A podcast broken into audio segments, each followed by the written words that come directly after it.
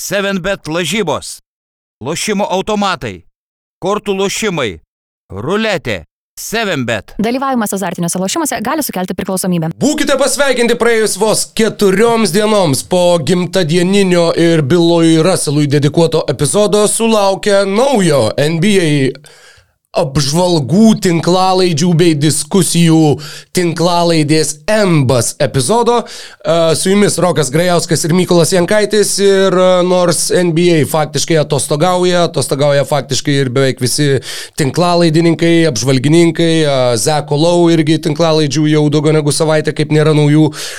Žodžiu, visi faktiškai rūpjūtį skiria atostogoms, tačiau mes, kadangi, e, žiausi sakyti, nelabai turim gyvenimo, turim gyvenimo gyvenimą, bet e, kadangi ta aistra nemiršta visus metus, tai net ir šiomis tomis pačiomis lėčiausiomis NBA kalendoriaus dienomis vis vieną turim apie ką pakalbėti, turim apie ką pašnekėti, turim tris tokias e, labiausiai apžvelgtinas temas e, šį vakarą ir tikiu, kad šis pokalbis taip pat mūsų laukia tikrai labai neprastas. Tad dar sėki, sveiki gyvi visi klausantys ir ar žiūrintys, bei sveikas gyvas bendra autorių kolega Mykolai. Labas, Rokai, šiaip e, pačioj pradžioje norėjau pasidalinti. e, Šiaip, nu, apie ką yra mūsų podcastas, tai geriausiai įkūnyje nu, visa šita situacija, kurią dabar papasakosiu. Kas klausėt praeito podcast'o, kur mes su Roku darėm biržą, tarp kitko, visuomet žalias podcast'as, visada galima paklausyti Bilo Raselo biržą.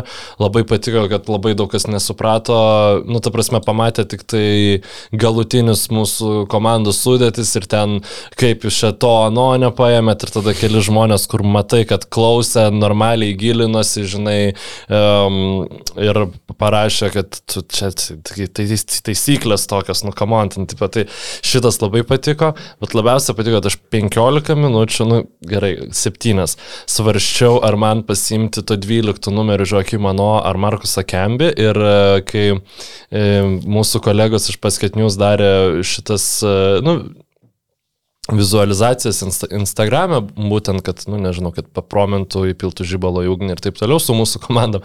Tai padarė tik tos pirmus penketus, žinoma, ir tada atsarginius penketus, tada 11 ir 12 žaidėjų net nekėlė. Tai realiai dėl tą diskusiją dėl kembio turbūt išgirdo, aš nežinau, gal 20 kokių žmonių, kurie išklausė iki galo, bet, nu, man tai visiems buvo, aš net važiuodamas namo galvoju, nu, blembo, gal, nu, reikia.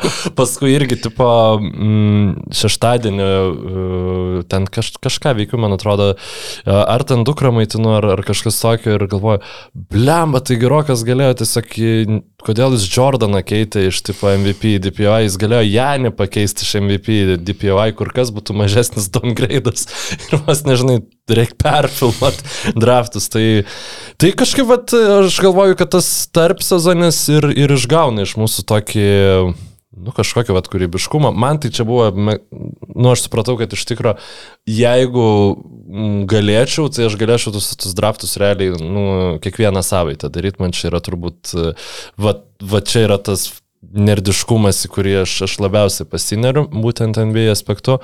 Um, bet dabar jau metas pradėti tuos um, vieną divizioną jau apžvelgiam praeitą, už praeitą tinklalaidą.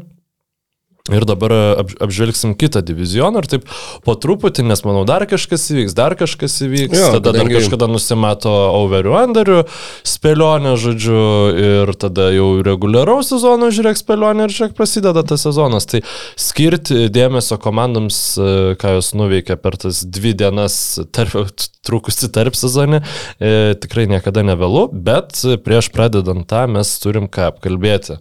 Nu kaip, Enbo podcastas, e, va, per, per praeitą podcastą nieko nepakalbėjom apie e, Bruklino Nets, nes Bruklino Nets neturi nei vieno MVP finalo arba geriausiai besiginančią krepšininką. Yep, yep. Bet užtat turi pakankamai e, divų. Ar mes pradedam sudėti. nuo divų, ar mes truputį pradedam nuo savo kiemo? Nu, tai jau kalbėjom, kad nuo divų pradėsim. Tai... Ai, nuo divų pradėsim. Jo, nu, tai tuomet, jo. tuomet uh, maloniai prašome kolega mikrofonas tai jūsų panosėje. Kevinas Durantas, kaip ir mano nuomonė, šiaip visai pratingai pasakė. Žiūrėk, žmogus, kuris, e, nu, vis pirmiausia, pašnekėjo turbūt su um, GM, net susako, tu mane išmainyk.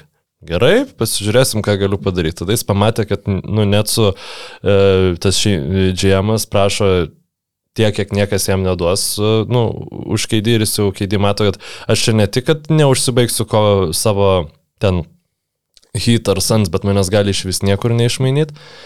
Ir jis tada sako, Tai gerai, aš einu tada pas e, savininką ir sakau, tai arba, arba aš lieku iš to komandai, bet tu tada turi išmainyti tą bičią, kuris manęs neišmaina. Tai šanas man... Taip, at, at, neišmainyti, atsiprašau, atleisti. Nors teoriškai galima išmainyti.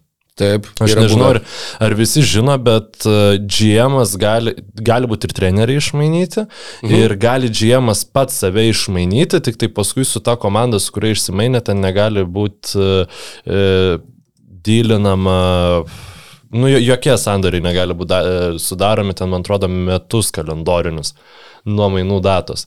Tai aš, ar NBA taip yra įvykę, aš nežinau, žinau, kad vienoje iš pagrindinio sporto lygų tai tikrai yra įvykę taip kažkaip. Tikrai yra buvę, aš tik tai bijau sumeluoti, man atrodo, kažkieno tėvas, ar tai Danlyvi senesnis, ar tai Raily senesnis, bet dabar radau, kad Raily beisbolo buvo um, lygose GM. -ų.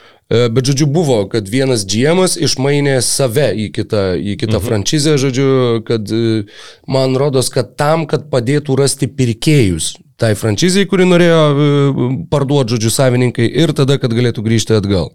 Uh, Erikos Polstros tėtis, vakas tai buvo, 83 o, metais jisai e, išsimainė save iš Portlando į Indianą. Vos nepasakau, dabar sužinau, kad Erikas Polstro turėjo tėtį. Neįtikėtina, tačiau tiesa. Bet jo, jis turėjo tėtį, kuris veikia dalykus NBA lygoje. Tai va, tai Keidį pareikalavo, žodžiu, arba aš, arba tie žmonės, kurie manęs nesugeba išmainyti. Tai Man atrodo, kad iš Duranto pusės, nu jisai kaip ir visiškai neturi ką prarasti e, ši, šiuo savo ėjimu, nes, nu, tipo, okei, okay, aš noriu būti išmainytas, tai jeigu tavo subinė marksai pradės dėkti labiau, tai galbūt tada mane išmainysi tiesiog ir viskas, ir, ir baigiam su šitu visų toksiškumu.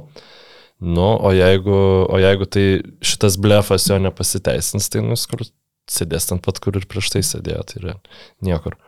Aš manau, kad net e, ne tik tai tai, kad jis vis dar nebuvo išmainytas, bet kad dar labiau paskatino tą, e, ne tik tą pareiškimą, bet jo paviešinimą, kadangi jie akivaizdžiai nutekino Kevino Duranto aplinkos žmonės, e, paskatino tai, kad ėmė pasirodyti vis daugiau spekulacijų, kad o galbūt net jo tiesiog ir nekeis. Ir va, atvai, a, tegul, tegul jis va, atvyksta į treniruočių stovyklą ir gal jie bandys tiesiog va, pravažiuoti su tuo, kad oi, nu, va, gal, gal iki mainų lango užsidarimo, galbūt tave kažkada iškeisim.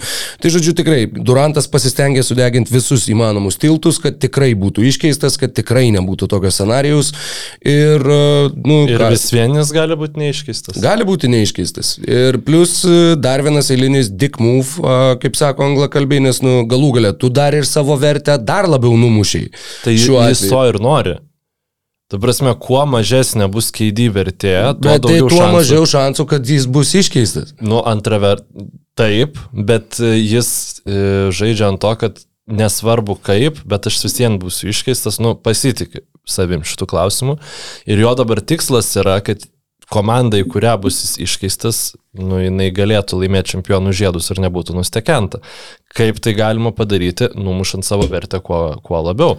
Ar tai yra protingas Seimas, nu mes studijų su taim sutarėm, kad nu, niekas nėra iš krepšinio pusės e, gerai, ką Durantas daro. Ar veiksmai, kuriuos jis daro, yra protingi, yra sunku pasakyti, nes tiesiog, nu, Aš net nelabai atsimenu kažko panašaus iš tikrųjų NBA istorijai, nu, kad su tokiu kontraktu, nu taip ten buvo Kobe, kad ten nori iš Lakersų, nu bet ten tokios aš... Ar Lebronas nori atleisti Davidą Blatą? Pavyzdžiui. Nu, čia turbūt jo, toks arčiausias gal atitikmuo iš ne. Bet čia tokios, žinai, sakykime, net tai visiems tai visuomet turėdavo aurą kaip tokie nu, kažkokie tai kivirčiai, kuriuos kažkas, nu, kaip ir nugirdo, kažkas čia sako, kad čia yra nepatenkinta. O čia mes turim, žinai, nu, vos nesutoktinių porą, kur m, vyras dinner party metu pasakė, kad aš Tad laukiu nesulaukiu, kad aš tavo galvą pritrėkšiu į sieną, žinai, savo žmoną ir dabar maždaug e, visi žiūri ir laukia, kas bus tose namuose, žinai, kaimynai pro langus. Nu, ta prasme, tai toksai, Įdomus palyginimas. e, toks, aš, nu, man tiesiog, Man tai atrodo, tiesiog, kad žinai, komanda čia- negali funkcionuoti. Jo, ir čia plius čia yra tas toksiškų santykių auksinis pavyzdys, kur yra arba tavo draugai, arba aš. Kur yra, nu, kur ir plus, a, beje, kiek teko skaityti irgi, kiek teko ir pačiam mąstyti. Ir, a, aš nemačiau turbūt nei vieno žmogaus, kuris realistiškai tiki, kad jeigu, visų pirma, tai taip neatsitiks, bet jeigu Joe Tsai, net su savininkas, atleistų Nešą ir Marksą, ar tikrai Kevinas Durantas liktų Bruklinė?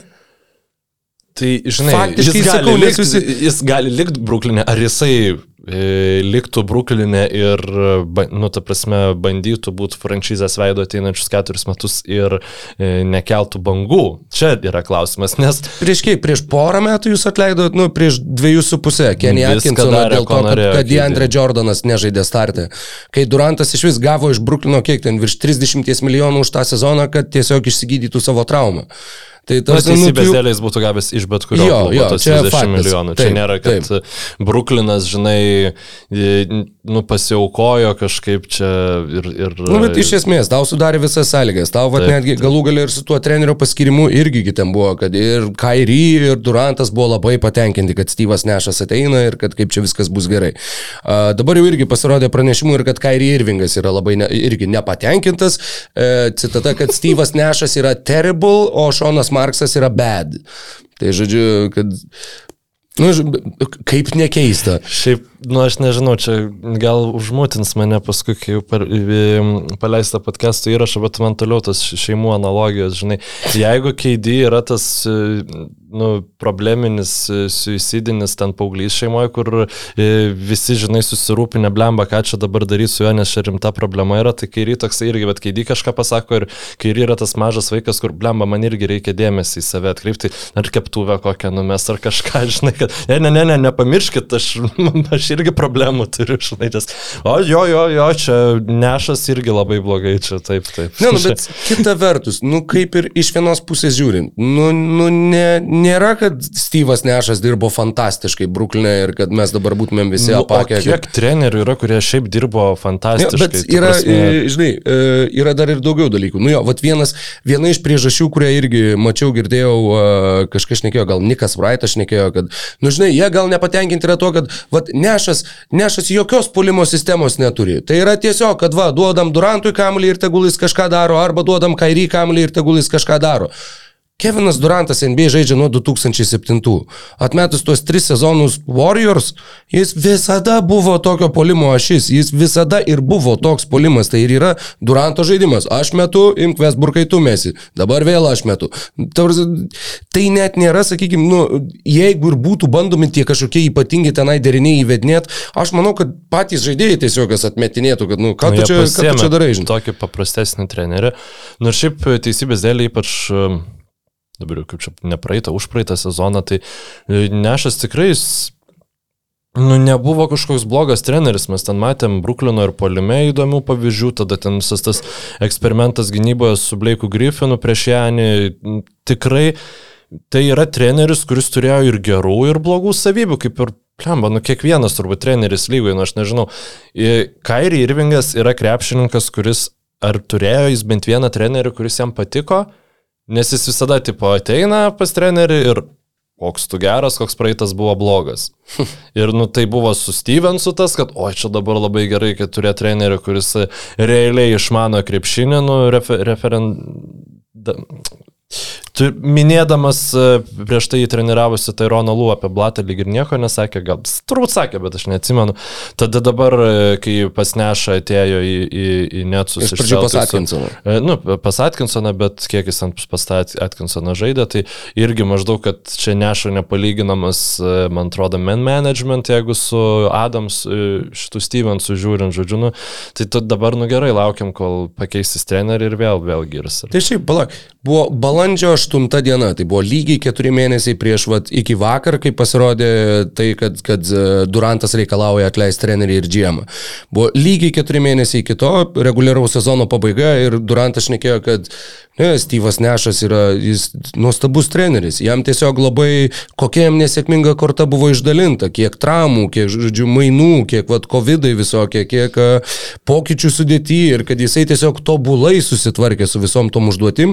Ir po to balandžio gale, 20 kažkelintą, po to, kai jie 0-4 gavo nuo Bostono, jisai sakė tą patį, kad Steve'as Nešas yra, čia tikrai negalima kaltinti Nešo, Nešas yra nuostabus treneris ir čia, vad, jam, jam yra tiesiog, nu, vat, labai nepasisekė, kad jis atsidūrė tokioje situacijoje. Nu, šiaip e, teisybės dėliai mes čia dabar nu, kibirais e, metam šūdą ant e, Duranto. Bet tai pamenu, keturi mėnesiai, Jėzau, tai kaip ta tu gali prasme, žiūrėti į žmogaus noriu- žodį rimtai? Ką aš noriu pasakyti, kad reguliaraus sezono metu jisai niekada dramų nekelia.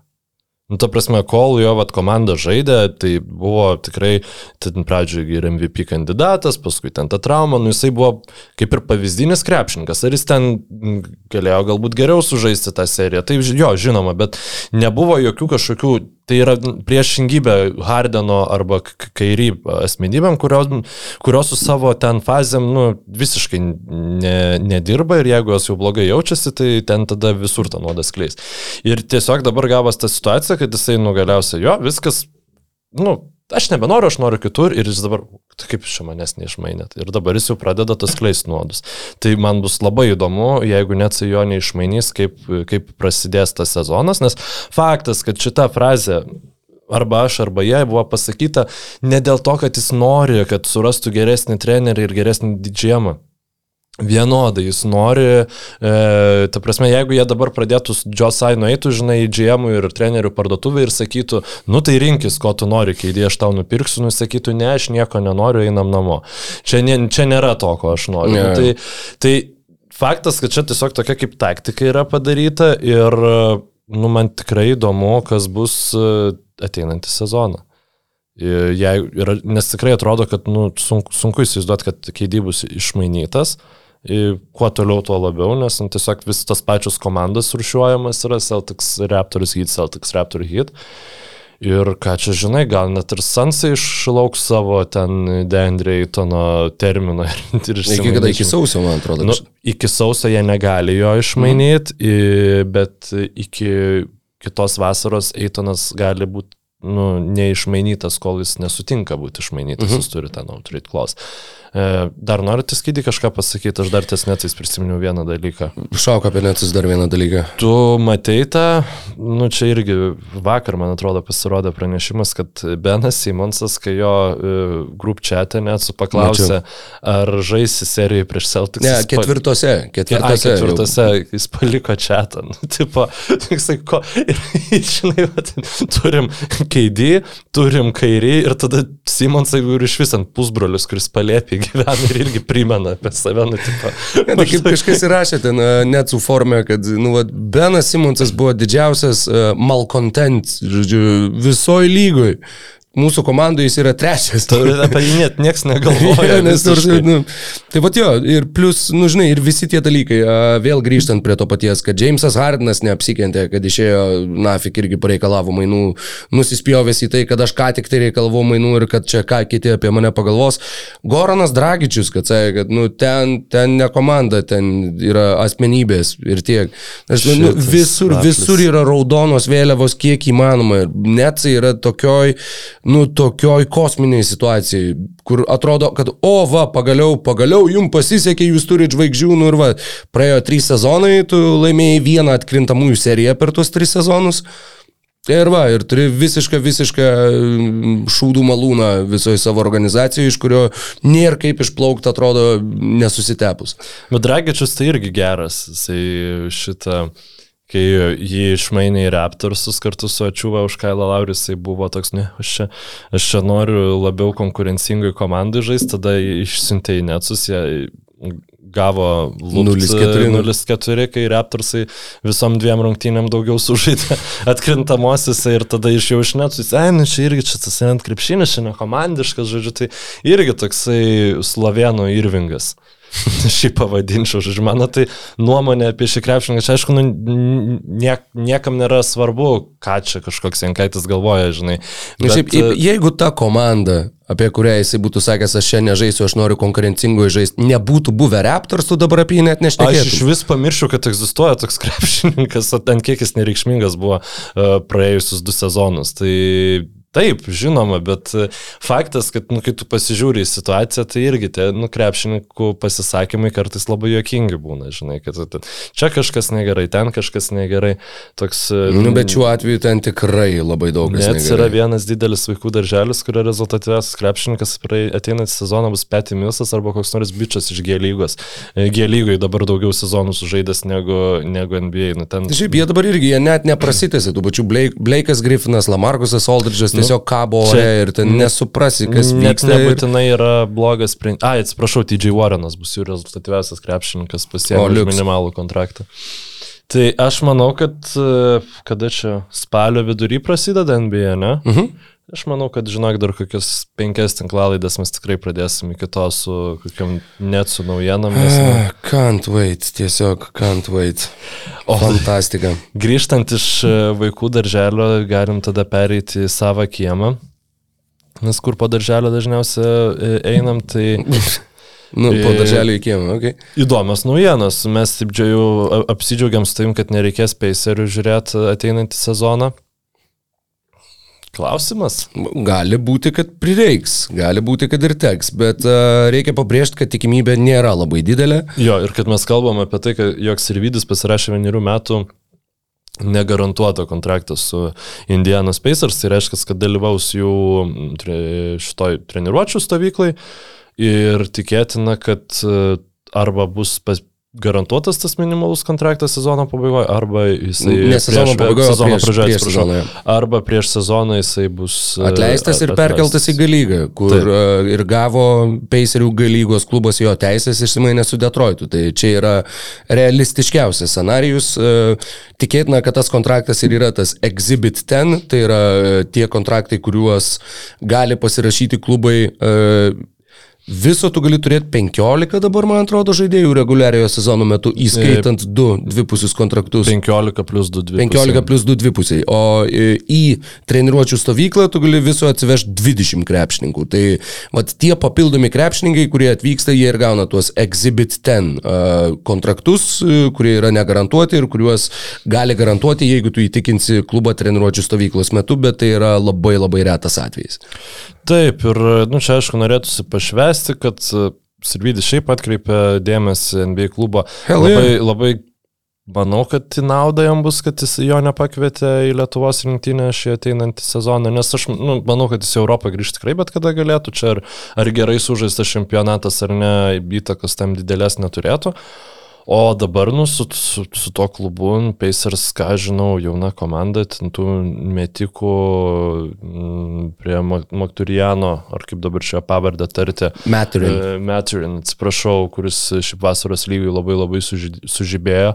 Tai ga, gali reikėti ir jeigu dar Turneris bus išmainytas, nu čia tiesiog, kad e, jeigu visiškai tankų režimą įjungs Pacerį, tai gal ir atsiras ten tos servidžių vietos. Nu, labai labai sunku prognozuoti, aš jau pernai toks optimistiškai, op- optimistiškai taip nusteikęs dėl, dėl klubo, kas buvau, tai dabar aš jau truputį atsargiau, žinai, žiūriu.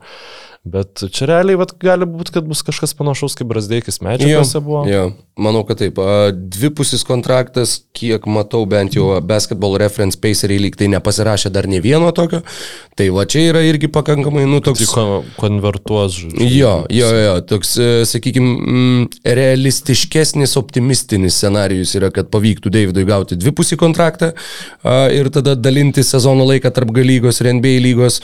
Ir iš esmės jo, turbūt, kad a, laukia, nu, va, tokių geresnių atvejų kažkas panašaus į Brasdeikio pastarąjį sezoną Orlandė, kur tu sezono pabaigoje, kai jau visiškai renka tik pralaimėjimus komanda, tai va tada gauni pažaist, kaip ir tas pats ir Vydis sumetė, kiek 15 žaisdamas už Detroitą, nu, tai va tos paskutinės sezono dienos, paskutinis mėnuo, kai tu leidi į aikštę jau viską, ką tik tai įmanoma ir netgi truputėlį ką nelabai.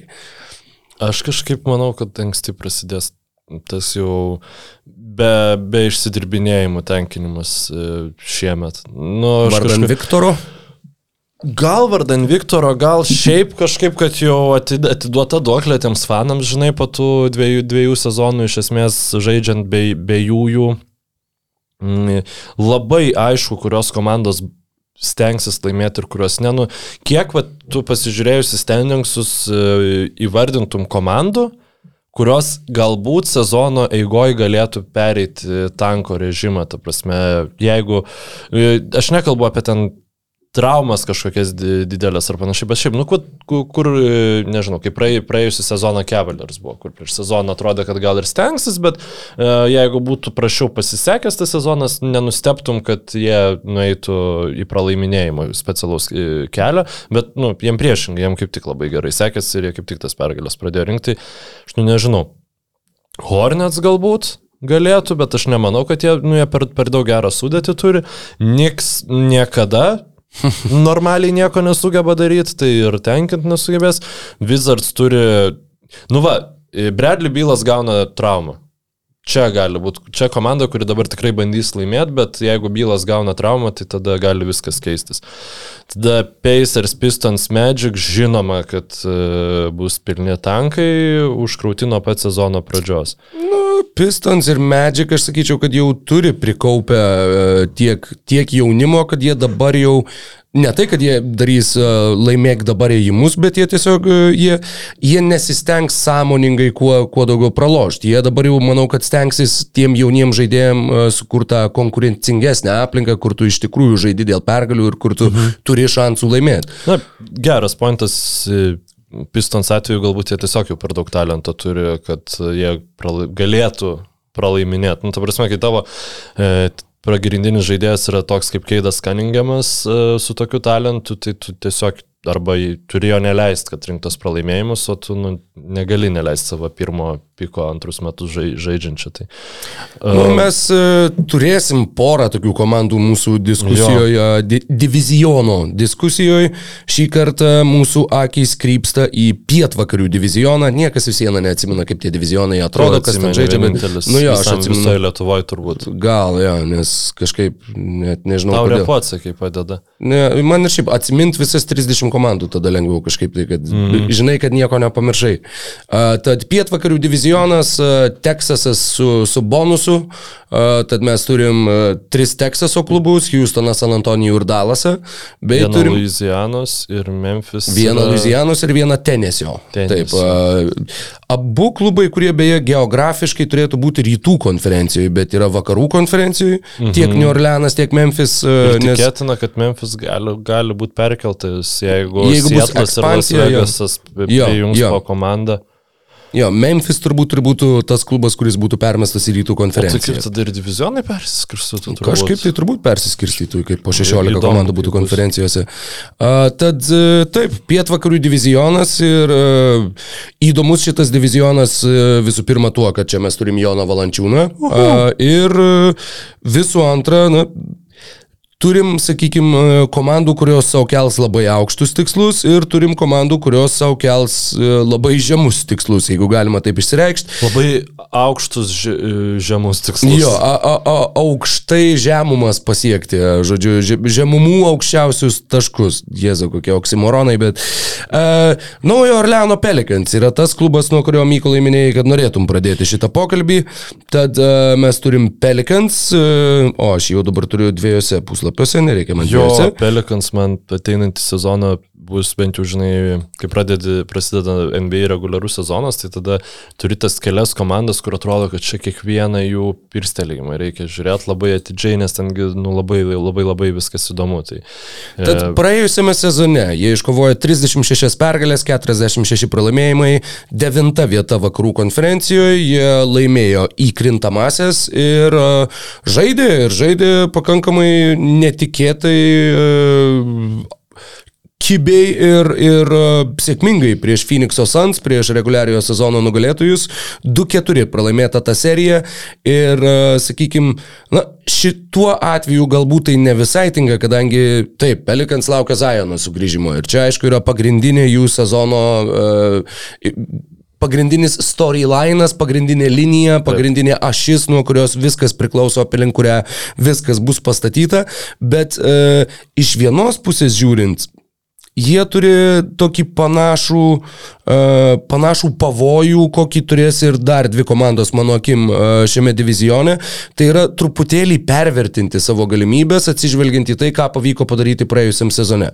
2-4 su Phoenix'o Suns, o wow, nu, net nežiūrint į tai, kad Phoenix'o Suns antrame etape gavo nuo Dallaso Mavericks ir visiškai subirėjo absoliučiai atkrintamosiose varžybose, kas irgi prisidėjo ir prie to, kad Pelikans sugebėjo pasimti dvi pergalės, bet to Devinas Bucheris gavo traumą toj serijoje, praleido keletą rungtynių. Uh, tad jo, naujo Orleano Pelikans ir uh, viltys būti atkrintamųjų komanda, jeigu su Zionu Williamsonu, tuomet e, netgi aukštesnės, turbūt, sakykime, prabos atkrintamųjų komanda. Tikrai taip. Tik, ta prasme, turiu omeny, ne, ne, ne tikrai taip, kad tai bus, bet tikrai tokios viltys yra ir aš visiškai juom pritariu.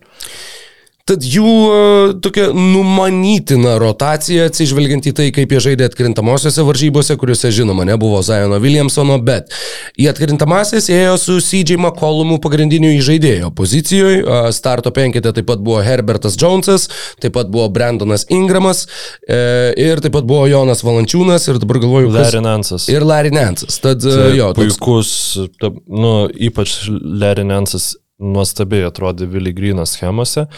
Ir aš manau, kad jeigu Zajonas grįž sveikas, m, toks, kokį mes nu, norėtume, man atrodo, visi NBA fanai norėtų matyti Zajoną nu, grįžtantį, tokį, koks jis buvo to pusę sezono, biškai daugiau žaisdamas už Naujo Orleano Pelikans užpernai. Ir tada manau, kad Jonas Valančiūnas gali tokį nu, užtikrintą rungtynės pradedančio, bet jų neužbaigiančio centro vaidmenį užimti. Naujo Orleano Pelikans ir tai nu, nebūtinai yra blogai. Nes tiesiog Larry Nansas pakiltų į viršų ir tada Nansas, Herbas Jonesas, ten tokie plasdantis ilgarankiai atletai, visai ten ta gynybos schema tokia įdomi gaunasi. Jo, aukštas penketukas. Naujo Orleano Pelikans praėjusiame sezone buvo e, žiūrint į atkovotų kamolių procentą, tai yra, e, sakykime, anuliuojant tą žaidimo tempo skirtumą, kad, pažiūrėjau, jūs atkovojat labai daug kamolių, jo, nes jūs metat trečią atako sekundę. Bet... Kiek procentų iš galimų kamolių? Jo, jo. E, jie pirmavo visoje lygoje ir tuo pačiu pirmavo pagal e, puolime atkovojamų kamolių procentą, pagal gynyboje atkovojamų kamolių procentą buvo ketvirti, e, tad Jonas Valančiūnas, žinoma, buvo labai rimta sudėdamoji dalis šitam e, žaidimo elementui. E, ir tas aukštas penketukas, kurį, kurį ką tik tai išsivardinom su nominaliai turbūt Makolumu, Jonesu, Ingramu, Williamsonu ir Valančiūnu, e, turėtų taip pat, na, sakykime, neturėti didelių spragų būtent atkovotų kamuolių grafui. Žiūrint į visą komandos rotaciją, komanda šiuo metu turi 16 žaidėjų savo sudėtyje. E, į žaidėjai yra CJ McCollumas, Devonta Grehamas, Jose Alvarado ar Jose Alvarado ir Kira Lewisas. E, atakuojančių gynėjų, tokių nominalių, kadangi Herbertas Jonesas kaip ir žaidė daugiau kraštų, bet e, vėliau atkrintamosiose žaidė atakuojančių gynėjų, tad su juo yra Trejus Murphys trečiasis uh, sniperis, kuris ir vasaros lygui kiek žaidė, atrodė labai solidžiai, Geratas Templas ir Dysonas Danielsas, naujokas, kurį jie ką tik pasirinko šviežiai naujokų biržai už uh, Los Angeles Lakerių šaukimą. Kraštai, Brandonas Ingramas, Nadži Marshallas ir EJ Laidalas patyręs tą sunkę traumą ir vėlnės žino, ar mes jį pamatysim šitam sezone debituojantį mhm. NBA. Uh, Zionas Williamsonas, Larry Nansas, Jacksonas Heisas ir vidurio polėjai Jonas Valančiūnas ir Billy Ernangomesas. Jacksonas Heisas, kad polėjų rašytas, tai man yra kažkokia ir šis basketball references net ne kaip forward center, o tiesiog kaip forward įrašytas. Tai šokia misija. Nes jis ir žaisdavo, jis žaisdavo net ir starto penketą greta Valančiūno. Nu, jo, Aš nežinau, aš tai manau, kad Zajono sugrįžimas ten gali labai labai sumaišyti kortas ir ten pradžioje net gali biškai prašiau atrodyti, negu užbaigė, sakykime, tą sezoną, dėl to, kad net jeigu be Zajono mes, nu, kokį penketą turime, mes turim Jose Alvarado, mes turim Grehamą, Ingramą, nu, ne penketą, bet tą rotaciją, e, Nensą ir Valančiūną. Tai yra jau dėl plėjinų tikrai kovosianti komanda, net ir be Zajono. Atminkim, kad iki Makolumo mainų, nu ne, ne iki pat jų, bet Pelikans į pirmą trimestrą sezonoje buvo pakeliui būti blogiausia komanda lygos istorijoje. 2-18, ne, Ten buvo bu- jų startas. Buvo rimtų reikalų. Ir be Zajono, bet su atėjusiu paskui CJ Mokolmu, jie tą sezoną savo labai apsuko. Ir JV buvo to dalis, tarp kitko, Jonas Valančiūnas NBA komandai yra antras vyriausias krepšininkas. Jep. Už jį vyresnis yra tik tai Geretas Templas, kuris, manau, drąsiai galima teikti, labai daug rotacijoje nefigūruos. 3-16 buvo jų startas, e, kalbant apie tą katastrofišką pradžią. Ir Atsiprašau, dar, mhm. Makolomas vyresnis, tai trečias vyriausias krepšininkas. ir dar vienas dalykas, kurį, kurį turiu patikslinti, e, nes prieš tai žiūrėjau į atkrintamųjų statistiką reguliariame sezone, jų atkovotų kamuolių procentas buvo trečias lygoje, puolime buvo ketvirtas. Bet tavo ta statistika, aš manau, net aktualesnė, nes kaip ir...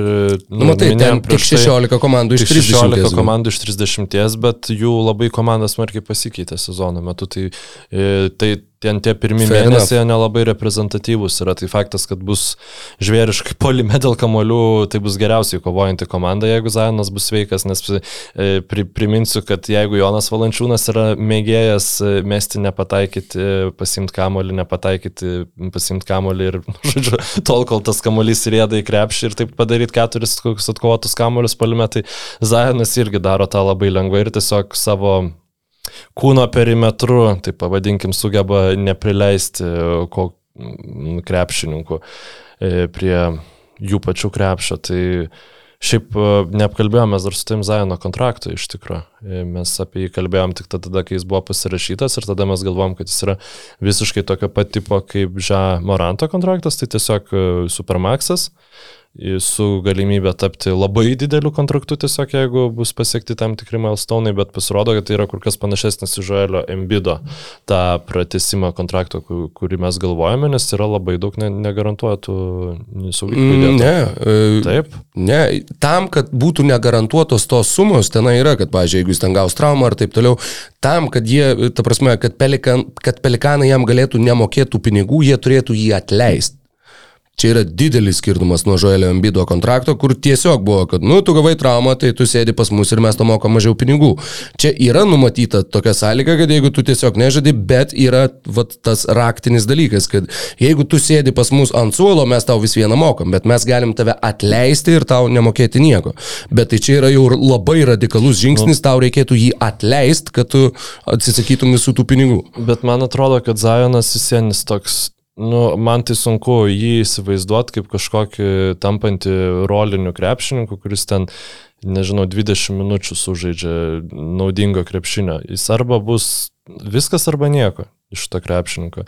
Ir tada jau tu, tu turėsi tos tą vadinamą dead, dead salary, tu turėsi arba įsėdinti ant suolo, arba jį atleisti. Tai svarbu, kad būtų, nu, jis nebūtų toks didelis, koks e, potencialiai bus, jeigu jisai sėkmingai žais ir e, pasieks tą savo ten, tiksliau, ne, neviršys tu iš esmės neturėsi dead salary. Čia ir yra kontrakte numatyta sąlyga, kad jie jį gali atleisti ir jam nieko nemokėti ir neturėti dead salary.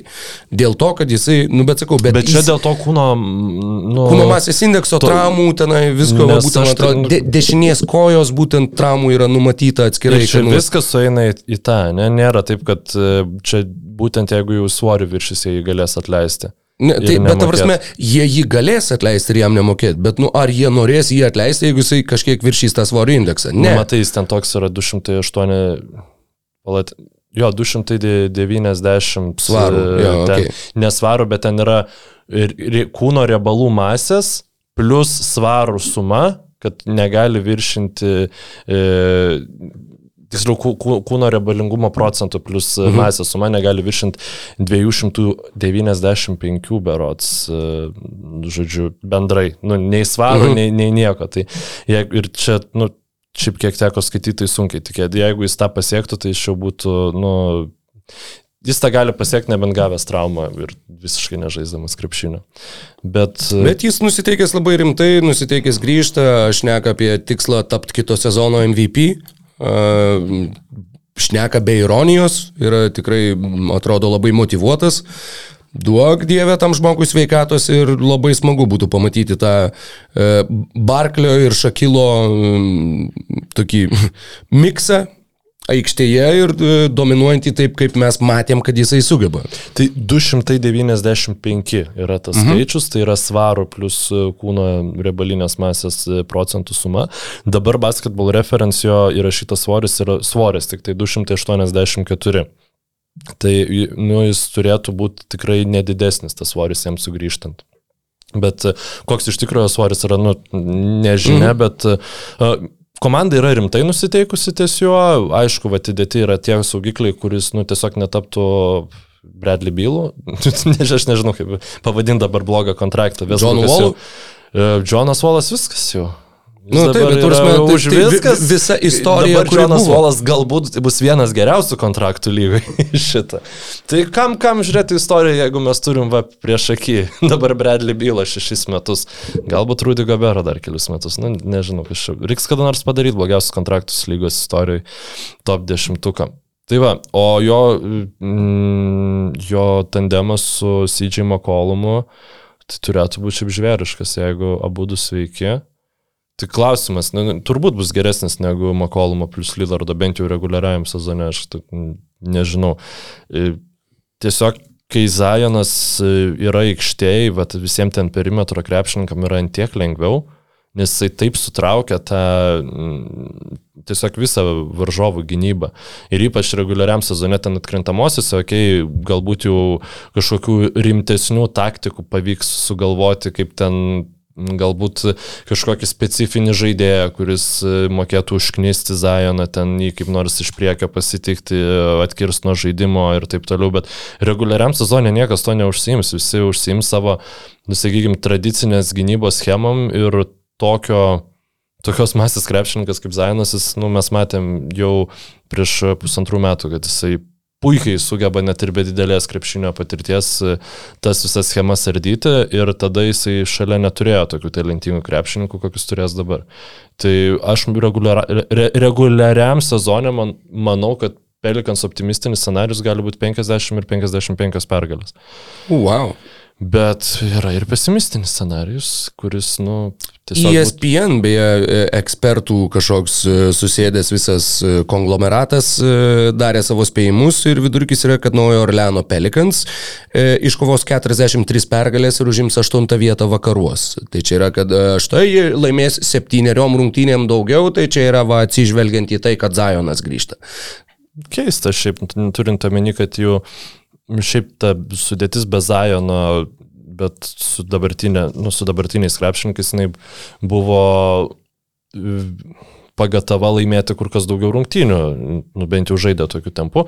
Aišku, mes turim tiesiog vakaruose ir kitas komandas, kurios sustiprėjo, tai jos irgi nu negali visos komandos daugiau pergalių surinkti, kažkas turi jų atiduoti. Tai Galbūt Pelikans bus viena iš tų komandų, bet aš manau, kad jeigu Zajonas grįžta sveikas ir, nežinau, nežaidžia ten pirmus du mėnesius po 20 minučių ir ten, nu irgi, šiaip labai, nu aš ir galiu prisipažinti, labai bijau to, kad jisai mhm. grįžta, bet tada, okei, okay, duokim jam laiko, duokim taip, jam laiko. Tai šimtų procentų taip ir bus.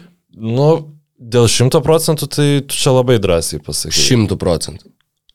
Tikrai pirmą mėnesį, jeigu jisai žais, tai žais nu, 25 minutės. Ne, tai gerai, kad ta prasme žais 25 minutės, bet tos minutės gali būti skirtingos. Jis gali būti kaip Žalis Embidas, kai grįžo po savo traumų ir ten mes galim prisiminti, kaip jis dominuodavo ir tada būdavo pratesimas, jo neleisdavo žais dėl visų tų restrikšinų ir jis ten visas daužydavo kėdę, piktas ir taip toliau. Aš neatsimenu, kuris sezonas buvo, bet mhm. labai atsimenu, tai buvo ryšku.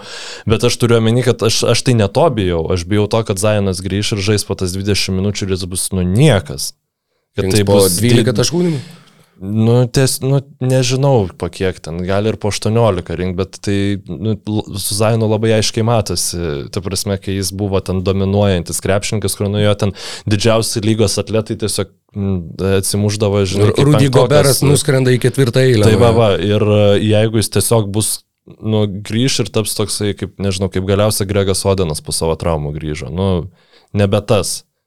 Tai va aš to žiauriai bijau ir kada mes lauksim, lauksim, lauksim ir galiausiai sulauksim, kad uh, Zion Williamson is waived after five years with uh, New Orleans Pelicans. Nu, toks, žinai, mm -hmm. skaudus labai būtų. Tikiuosi, kad to nebus, bet nu šitas scenarius yra įmanomas ir jis gali pradėti pildytis jau labai greitai. Tai jau iki sezoninėse rungtynėse faktiškai matysim, ar jis bent jau gauna žaist, kur irgi manau, kad jis ten gaus 12-15 minučių, ką nors tokio, bet, bet kad nu bent jau tiek, kad jis žaistų, kad matytųsi, kad gali judėti. kad egzistuoja. Ne? Jo, jo. O šiaip Pelikans nepakeitė faktiškai nieko, lyginant su pernai, va, Dysonas Danielsas, vienintelis realiai pokytis jų sudėti. Tai, uh, jo, jie pasiekė savo antrojo sezono pusį uh, ir sakau, galbūt va, tas 2-4 pasiekimas dar prieš Phoenixą, gal kiek uh, pernelyg rožinius sakinius galėjo komandai uždėti, bet, uh, bet uh, viskas čia priklauso nuo Zajono ir, ir pradėjom šitą pokalbį nuo to ir, ir ties tuo akivaizdu, kad galim ir pabaigti. Nu, galiu dar apie vieną krepšingą tik pakalbėti, bet čia 30 sekundžių. Gerai. Man atrodo, kad X faktorius Pelikans ateinančią sezoną bus Jose Alvarado. Okay. Nes jis, va, tai būtent yra krepšininkas, kurio akcijos iš, nu, tiesiog pro dangų išrovė e, atkrintamosiose, tikrai labai intensyvios gynybos, toksai um, La, latino delavedova. Žodžiu. Wow. E, Ir aš manau, Wow, kad žiauriai svarbu bus... Alvaradova. Alvaradova, jo. E, Žiauriai svarbu, kaip jisai tobulės, nes e, gynėjų tikrai trūksta, niekas jau Devante Grahamo hype traukinys jau nuvažiavo. Ir jeigu Alvarado bus tai, ko aš tikiuosi, kad iš jo, kad jis būtų, tai e, Pelikans turės Alvarado, jie turės Herbo Jonesą ir turės e, Larry Nance jaunesnį. Tai yra trys krepšininkai, kurie yra labai labai solidus gynyboje. Ir e, čia jau yra labai geras pamatas tiesiog sėkmingam sezonui. E, Žinai, dargas, Pelikans pernai buvo ketvirta blogiausiai tritaškius metusi komanda. Blogiau metė tik Orlandas, Detroitas ir Oklahoma, tie, kas sąmoningai norėjo būti labai blogi. Tad metikų jiem vis viena, sakykime, yra, yra tas klausimas, nu, vat, ant Trėjaus Murphio pečių labai daug krenta ir ant Brandono Ingramo ir CJ McCollumo kažkuria prasme, kadangi daug patikimų metikų jie, jie tikrai savo komandoje neturi. Ir jeigu reikėtų spėti, kad jeigu jie atlikinės kažkokius mainus, galbūt būtent to, to komanda ir ieškos. Galbūt tą patį Devontą Grehamą bandys paversti Kuris- iš tikrųjų gerų metikų. Nu, Jis turėjo turėjo, būti tai tuo žaidėju, bet... Jisgi buvo bomberis, nu, ne, ne, ne šiaip sau metikas, bet tas, kuris ten beprotiškus, tas tritaškus mėto, bet kažkaip neužsifiksavo tas. Nu, vietoj Jacksono Heiso turėt kažką, kas normaliai pataiko, tikrai būtų... Aukštą pataikantį žaidėją. Nu, Būtų, irgi. būtų gerai. Net, aš manau, kad net ir ne aukštą pataikant, jie mūgio, jie turi tą patį dievę Hernangomės, jisai moka tą krepšinį žaisti, nu, jų... mm, Bet jam reikia, jeigu tu išsimti ir Jacksoną Heisą, to lieka keturi dideli žmonės. Zajonas, Nensas, Valančiūnas ir Ernangomas. Gerai, pasiimtų kažką iš 50 milijonų laisvų, laisvųjų agentų centrų, ten visokių Tristanų Thompsonų, tą patį Blake'ą Griffiną ar panašiai, nu kažkas tas penkias minutės atžaistų. Man atrodo, jeigu tu už Jacksoną Heisą gali gauti gerą, stabilų metiką, tu tikrai jame, tai nėra tas krepšinis. Bet to, to gali reikėti ir ne penkių minučių traumų atveju. Bet, bet, žodžiu, galim prašnekėti iki ryto turbūt apie naują Orleaną, bet mums reikia keltis jau ir į tą kitą ry, rytinę vakarų konferencijos komandą. A, 56 pergalės, 26 pralaimėjimai, antras geriausias rezultatas visoje NBA lygoje pernai. Vakarų konferencijos pusfinalyje nusileista būsimiems čempionams. Vienas geresnių sezonų Memphis Grizzlių istorijoje. Nu, žinoma, jie yra žaidę ir vakarų konferencijos finale, bet apskritai, kalbant apie lūkesčius, kalbant apie tai, ką, ką komanda sugebėjo pasiekti, puikūs metai jiems ir šita komanda išgyveno daugiau pokyčių tarp sezono metu ir tie pokyčiai yra tokie pakankamai, sakykime, iš pirmo žvilgsnio atrodo, e, tokie paraštiniai žaidėjai, kurių va komanda, kuriuos komanda pokyčiai. paleido. 7bet. Lažybos, lošimo automatai, kortų lošimai, ruletė. 7bet. Dalyvavimas azartiniuose lošimuose gali sukelti priklausomybę. Hm? Svarbus pokyčiai, ats- atsiprašau, šitą norėjau tik Jo, papildyti. e, Kailas Andersonas e, palieka Memphį, paliko Memphį, išvyko į Minnesotą. E, D'Antoni Meltonas buvo išmainytas į Filadelfiją ir tai buvo du iš tikrųjų svarbus ir labai labai stipriai prie Memphio Grizzlių pernykščio identiteto prisidėję krepšininkai. Memphis buvo daugiausiai kamolių perimanti ir daugiausiai metimų blokuojanti komanda visoje lygoje. Todėl jie turėjo labai daug galimybių bėgti greitą polimą, todėl jie labai daug taškų susirinko greitame polime ir uh, išprovokuotos klaidos buvo vienas jų pagrindinių ginklų viso sezono metu. Ir ta gynyba, ta tokia aktyvi gynyba, gynyba vedanti į, į puolimą, uh, buvo viena iš priežasčių, kodėl jie puikiai atrodė be Džiamoranto, uh, kai iškritus Džiamorantui jie žaidė puikų krepšinį. Uh, jie lygiai taip pat pradėjo silpnai, 9-11, berods kažkas Atsiprašau, tokio. Bet... puikiai reguliariam sezone atrodė be Džamoranto, nes jau playoffuose, kai Džamorantas iškrito, tai, nu, pasijutė tas logiška. Tai yra e, be abejonės geriausias jų krepšininkas. Tad taip, klausimas, atsakau, kuris, kuris kyla, kadangi taip, nebelieka Kailo Andersono, žaidėjo, kuris buvo vienas iš septynių berots lygoj, kuris turėjo ir block percentage, ir steal percentage virš 2 procentų. Nelieka D'Antoni Meltono, kuris buvo apskritai vienas daugiausiai kamolių perimančių, vienas daugiausiai defleksijų darančių žaidėjų lygoj pastarosius kelis sezonus. Ir vietoj jų faktiškai atvyksta būrys naujokų. Jie, Danny Grino pažadas. Jo, ir Danny Grinas e, be abejo e, prisijungė prie komandos. Paskutinėse sezono rungtynėse nustraukė meniską berots ir... Ar raiščius, ar meniską, bet ir berods kažkas sukėlė. nežais iki, iki, iki sausio, turint omenyje amžių, tai turbūt ir ilgiau. Iki sausio nežais ir Jarenas Jacksonas. Kas yra dar viena labai labai rimta būtent gynybinė netektis Memphijui ir jų sezono startas gali laukti labai sunkus ir labai toks e, gražinantis į žemę po šito kosminio sezono. Uh, Džeikas Laravija ir Davidas Rody yra žaidėjai, kuriuos jie pasirinko uh, naujokų biržoj. Uh, dvipusiai kontraktai Vincui Williamsui ir Kennetui Loftonui. Ties šitu norėčiau sustoti. Gerai, nori Krepšininku. papasakoti apie Loftoną. Apie tai, jo, tai yra bičias, kurį, kurį net ne aš pirmą kartą pastebėjau, bet e, bičiulis tiesiog buvo svečiuose, sako, o reikia įsijungti krepšinę. Ir aš, e, "O kokį krepšinį čia sako, žaidžia ateinančių metų pirmas pikas e, prieš dar kitų metų pirmą piką ir ten žaidė Holmgranas prieš Membanjamą. Uh, jaunių, dabar, nu, bijau pa, pa, pa, pa- pavadinti, bet man U- U18 turnyras ten buvo mm. e, finale ir už juos visus nus, nustelbė būtent e, Port Arturo e, Bo- Borisas Dijo, tai yra Kevinas Lofto, Loftonas jaunesnysis. Kenetas. E, Kenetas, atsiprašau, pažadu išmoksiu. Manau, kad mes išmoksim jo vardą pavardę. Tai yra, nu, kas jo nematė, tai yra labiausiai at, moderniam krepšiniui, nu, su juo nesuderinamas žaidėjas, žemas, labai, labai ne...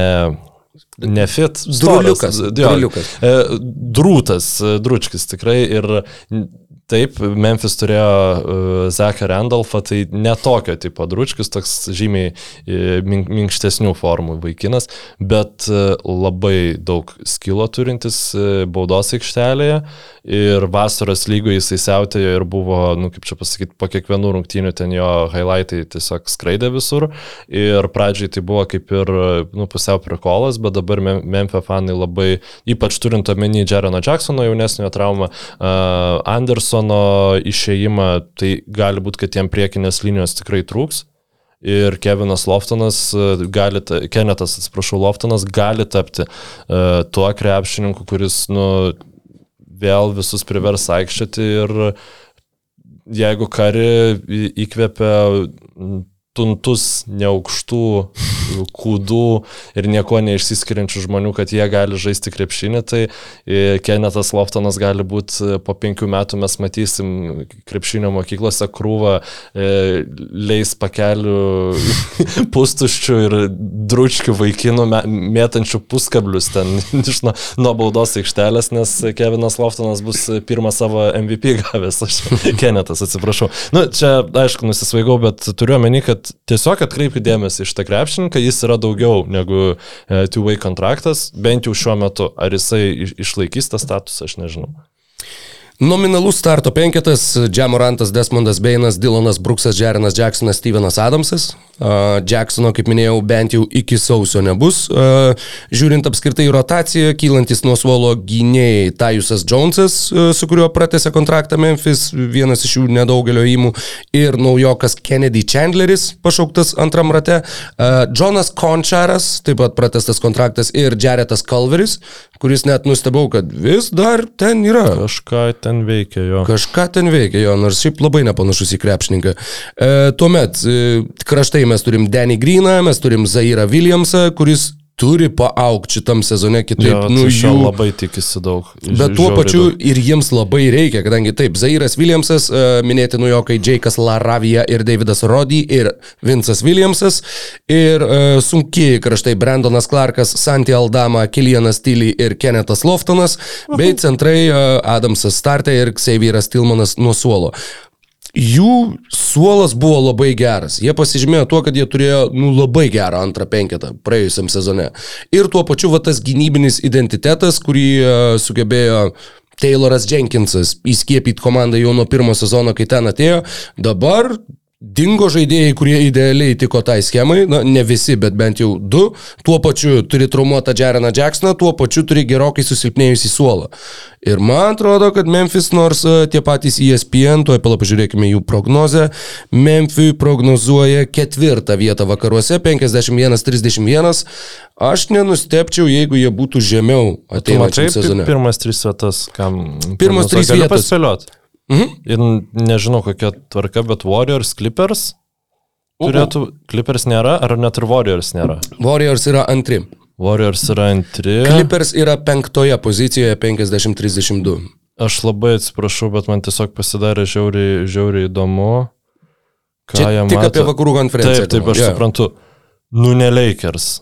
Ne, ne, ne. ne. Ne, gerai, tai mes tada... Lakeriai play-inė turėtų žaisti. Suns pirma vieta 56 pergalės. Ok, Warriors antra ir tada Denverio Nuggets. Taip, ir Denverio Nuggets 53 pergalės. Nesi, nesiginčiu. Šiaip tai ta konkurencija ten viršui bus labai žiūri ir tikrai metais. gali būti. Žinai, kaip gali būti, kad šito sezono eigoje tai bus visiškai, nu, nu, tokių šiknių kaip mes, naratyvų pasitenkinimų kažkoks sezonas, kur tu, matai, aš sakiau, kad čia nieko gero šitą komandą, jie čia tik tai šešti ir tada ten... Kažkaip, kažkaip ir- savo, savo vidinį vaidą čia poniką tik įjungiai. Kartą per savaitę man jį reikia jungti, aš jo negaliu kaupti savyje, supranti, nes tada jis mane pradės valgyti iš vidaus. Kaip Ir- sardelė kokia. Ne, gerokai. Gerai. Ir e, ką, nu tada va visi šitie vidiniai mm, dalykai, mm, ten, žinai, pradės sakyti, va, čia jie tik tai ten šešti, kokia prasta komanda, koks šūdinas Zajanas ten ir taip toliau. Ir nesmė, kad ten dvi pergalės jos skiria galbūt mhm. nuo trečios vietos. Nu, aš labai nustepčiau, jeigu būtų ta aiškiai atskirtis, žinai, tarp aštuntos komandos ir tarp šeštos kokios komandos. Nu, būčiau priblokštas, nes vakarai atrodo, kad bus vieni įdomiausių per e, gyvą mano prisiminimą, aš tai nežinau, nes nėra aiškaus favorito. Nu, Taip, yra Warriors, bet nu, neapsimetinėkim, kad uh, mes čia visi esame užtikrinti, kad jie vėl laimės vakarų konferenciją. Nu, tikrai Jo ne. labiau reguliariam sezone. Ypač reguliariam sezone, bet net jeigu ir žiūrint į playoffus, nu, nebus to, kad ai čia Warriorsam nesika, jokio skirtumo jie visiems laimės, nu, kaip būdavo prieš tai, Jo, kai jie, jie dominuodavo. Ir mes tada turim krūvą komandų grįžtančių po traumų, mes turim e, ir tada turim vat, šitas dvi komandas, Pelicans ir Grizzlies, kurių, kurių e, geriausi krepšininkai nutikėtina, kad bus tik ger- geresni ateinantį sezoną. Tai, nu, vakarų konferencija, ne- nežinau, nuo pat nebus jokių pertraukų.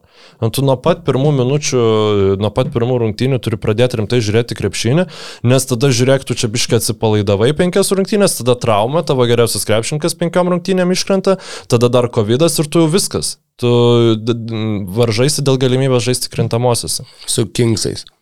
Kingsai išsimainys Keviną Durantą, jie pasiėmė Jo, dėl jo. Vedovą ir ten, kaip žvelginėsim Kingsų sezoną, aš paaiškinsiu. Ko- Cooką ir Kentą Beismorą. dėl ko jie laimės e, žiedus. Tai va, e, apie Grizzlies, sugrįžtam, biškė. Žamarantas yra netipinis e, jaunas supertalentas, tai yra netipinis dėl to, kad jisai jau dabar žaidžia elitiniam lygyje. Ir dėl to, kad jisai siaubingai primena Dereką Rausą savo žaidimo stiliumi. Tai yra, e, angliškas terminas yra wear and tear, Mhm. manau, Susidėvėjimas. susidėvėjimas, bet toks, toks, e, žodžiu, kitaip tariant, jeigu Žamorantas būtų automobilis, tai būtų labai greitas, labai sportinis automobilis, kuris važinėtų kiekvieną dieną, nežinau, savanorių prospektų pirmin atgal labai greitai per tas visas duobes. Ir tikėtina, kad kažkada ten vienas ratas gali nuliekti ir tada, kol tu gausi atsarginę detalę, tau jau sezonas nuplauks, o gal net ir e, visas, visą tą automobilį gali tekti nurašyti. Nudėja, bet e, Žemorantas žaidžia krepšinį tokiu stiliumi ir tol, kol jis nepaneigs to, ta baime visada išliks. Ir jeigu įprastai e, to Grizzlies, aš rekomenduočiau žiūrėti į situaciją taip, kaip jie žiūri dabar. Tai yra neskubėti, nebandyti čia, nu, Kailas Andersonas yra viso labo Kailas Andersonas, nė, nėra čia kažkokia tragedija, tikrai ne atkrintamosiose visienis beveik negali žaisti dėl to, kad neturi metimo ir taip toliau. Bet e, man norėtųsi iš tikrųjų iš Grizzlių daugiau laimėk dabar įėjimų. Tai yra dvi priežastys, tai yra dėl to, kad Grizzlis e, žemo ranto traukinys gali kažkada nuplaukti, nu tas pavojus yra. Ir antras, lyga tokia atvira, kokia yra dabar, jinai gali ir nebūti. Tai yra per vieną Kevino Duranto, per vieną, nežinau, kokio kito superstaro uh, užtemimą. Lyga yra per vieną žingsnį nuo to, kad vėl būtų jinai ne tai, kad neįdomi, bet kur kas aiškesnė negu, mm. negu buvo likščioliai. Ir e, Grizzlis, nu, nepadarė nieko, kad pasinaudotų iš tų šansų. Zekas Klaimanas beje šnekėjo e, pasibaigus praeitam sezonui, kad jie dabar jau yra pasiruošę daryti tuos laimėk dabar ėjimus. Ir kad e, je- jeigu prieš tai va, buvo tie įimai labiau orientuoti į, į žetonų kaupimą, tai kad dabar jau tuos žetonus reikia išsigryninti. Bet na, matyt, komanda tiesiog kol kas nerado jok, jokio įėjimo. Jeremy Grantas, kaip aš išskirčiau, nu, Bra- Blazeriai pasiemė Grantą pakankamai nebrangiai. Nu, ta prasme, tikrai Grizzlis galėjo permušti e, tai, tai, ką jie ten davė Pistonsams. Ar jis nebūtų jam puikiausiai tikęs? Čia tiem, kurie klauso, nežiūri, tai aš dabar skėšiu jų pečiais ir taip. Nepritarė? rankom. E, Kad, Nežinau, kad žinau. vertėjo bandyti, pavyzdžiui, gal tokį. O iš kur mes žinom, kad jie nebandė? Nu, mes labai daug žinom, labai daug. daug Labai daug. Nu, Nu, Šitiek in, insaido. aš, man yra sunku patikėti, nu, ta prasme, e, koks buvo oferis už tą patį grantą e, duotas, e, ką Blazeriai atidavė ten porą šaukimų. Jeigu ne vieną. Man atrodo, vienas šaukimas, Blazers Grant Trade, tuoj pasižiūrim. Nu, jeigu jie būtų taip, jie gavo Jeremy Grantą už draftų teisės iš Meilį Kamagatę, kurios buvo paskui iš karto išmainytos ir, ir dar gab, gab, draftų teisės už Gabrielę Prosidą ir tada 25 metų Milvokio pirmo, pirmo rato šaukimą. Žodžiu, ir du tada antro rato šaukimus. Tai, tai viena labai vėlyva tikėtina pirmo rato šaukimą, žodžiu. Ir man sunku patikėti, kad jeigu Gri- Grizzly, pavyzdžiui, norėjo šito krepšinko, tai nebūtų galėję pasiūlyti geriau. Galbūt jie kaupė šaukimus, kad galėtų gauti savo Bradley bylą ar kažką tai panašaus. Ir nešvaisto šaukimų tam, kad, o mes gausim Jeremy Grantą, vat mes laukiam mm. didesnės žuvies. Gali būti ir taip. Jeigu yra komanda, kurioje aš mažiausiai norėčiau matyti Bradley bylą, tai yra Memphis Grizzlies. Man tai uh, Washington Wizards. prienų labas gazas. Ta prasme, tu LKL komentatorių Nu, nenorėtum, nu, man būtų gaila Bradley bylą, bet, nu, bet, ai. Mm, O šiaip, nes pa, pa, pamečiau visiškai, visiškai mintį. Taip, turiu idėją, kas sugriovė e, planus o- off-seasono Memphis, Memphis Grizzlies. Tai buvo Milesas Bridgesas. Man atrodo, kad jų visas planas buvo sudėliotas tam, kad gauti šitą krepšininką jų komandą. Nu, at, atlaisvinam Meltoną, mhm. atlaisvinam uh, Andersono vietą ir Bridgesas, nu, apar to, kad jis yra beprotis e, ir nu, jam ne vieta būtent bei lygai, bet nu, kaip krepšininkas tai jis būtų puikiai tikėsi visi. Tas atletiškumas, tas greitis kontratakose, tos ilgos rankos, platus pečiai, nu, ta prasme, grinai tai, ko reikėjo tam vat, svajonių penketui užbaigti. Deja, to nepavyko gauti ir vat galbūt liko biški ant, ant ledo. Jo, todėl prasitėsi Tajusą Jonesą ir e, jo, ir gavo Danny Greeną. Um, Tikėtina, gali būti ir galbūt, galbūt tie planai dar išlys, galbūt uh, matysim Grizzlių planą B, planą C, gal jisai netgi taps geresniu negu tas šitas ką tik tai sugalvotas numatytinas planas A. Dar viena komanda, kuri pasiekė labai labai daug. Praėjusiam sezone žaidė vakarų konferencijos finale. Dalaso Maveritskiai ir e, Dalaso Maveritskiai iškovojo 52 pergalės, patyrė 30 pralaimėjimų, nunešė Jutos Jazz, nunešė Phoenix'o Suns ir 1-4 konferencijos finale gavo lup nuo Golden State Warriors.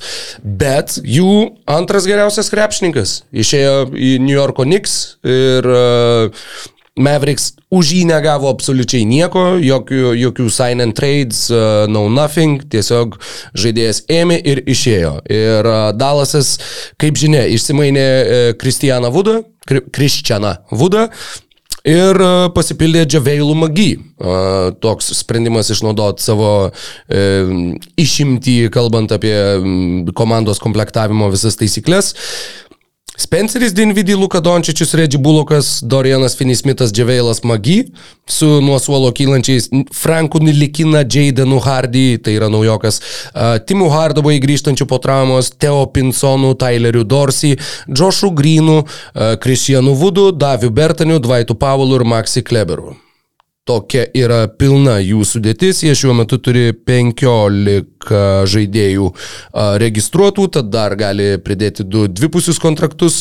Ir sudėtis, kuri tikrai nėra gili, beveik bet kurioje pozicijoje, į kurią be pažiūrėtum, Įžaidėjai jo, Dinvidį ir Frankas Nilikina yra antras faktiškai įžaidėjas. Nu, taip, tu turi Luka Dončičių nu, komandą, Lukas yra. Niekada turbūt nebus pagrindinis kamulio valdytojas aikštelėje. Jo, Dončičius ir Dinvidį manau, kad bus dalinami aikštėje, kad būtų bent vienas iš jų ant parketo beveik visą laiką.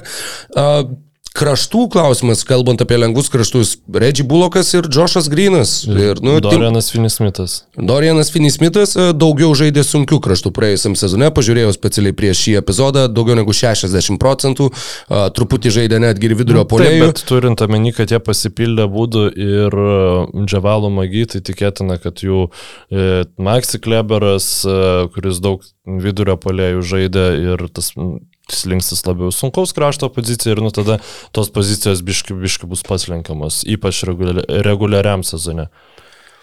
A, tad taip, taip, visiškai nesiginčiu su šitą prielaidą ir, nu jo, Timas Hartovai grįžta po traumos, tau kaip ir, kaip ir naujas žaidėjas tavo rotacijoje, bet Kalbant apskritai apie, apie Dallaso Mavericks e, tarp sezonį, e, teko skaityti vienam Mavericks e, sirgalių formė straipsnį apie tai, kad, ei, Mavericks sudėtis dabar yra geresnė negu buvo pernai. Mm aš nežinau, čia priklauso, kaip tu vertini Bransoną ir kaip tu vertini Hardaway jaunesnį.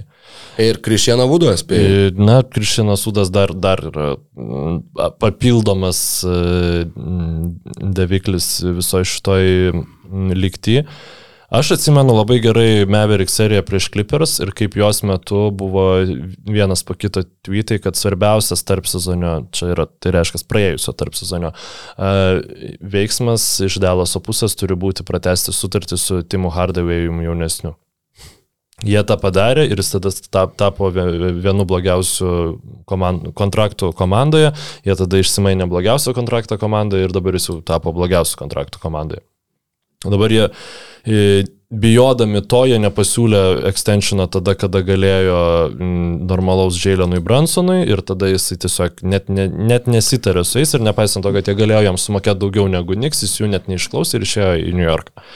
Ir dabar jie prašys, kad Timas Hardavėjus būtų geresnis arba toks pat bent jau, koks buvo Jailenas Bransonas, matant šiaip tų krepšininkų talentą, aš nu šiaip labai labai abejoju, kad e, Hardavėjus gali būti tuo, kuo buvo Bransonas, bet kažkaip nurašyti komanda dėl to, kad ją nu, Bransoną pakeitė Hardaway, kai jos pagrindinis krepšininkas yra Luka Dončičius, nu man irgi yra sunku.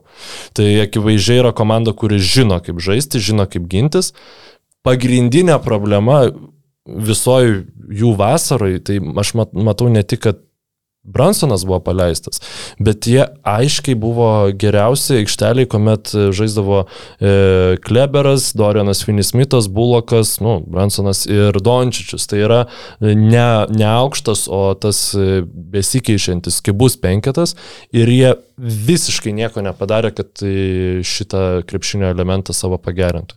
Jie kaip tik pasiemė Vudą, nu, Vudą pasiemė, nes jis buvo pigus ir nes galėjo jį pasimti. Ir tada vienintelį šansą gauti kažkokį krepšininką, e, išnaudojo e, mid-level, exceptioną gauti Džavalą Magį. Ar Magį yra geresnis negu Dvaitas Pavlas? Taip. Aš manau, kad taip. Ar jisai tikrai yra toks reikalingas? Abejoju.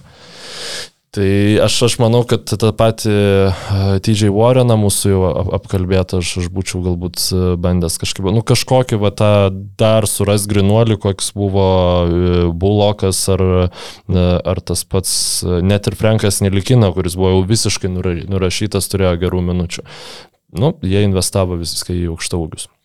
E, pirmos trejos serijos rungtynės Dalasas prieš Jutą, kur Luka Dončičius nežaidė. Jailinas Bransonas rinko po 32 taškus, 5,3 kamulio, 5,3 asisto, 51 procentas įžaidimo, 41 tritaškio, 85 procentų baudų.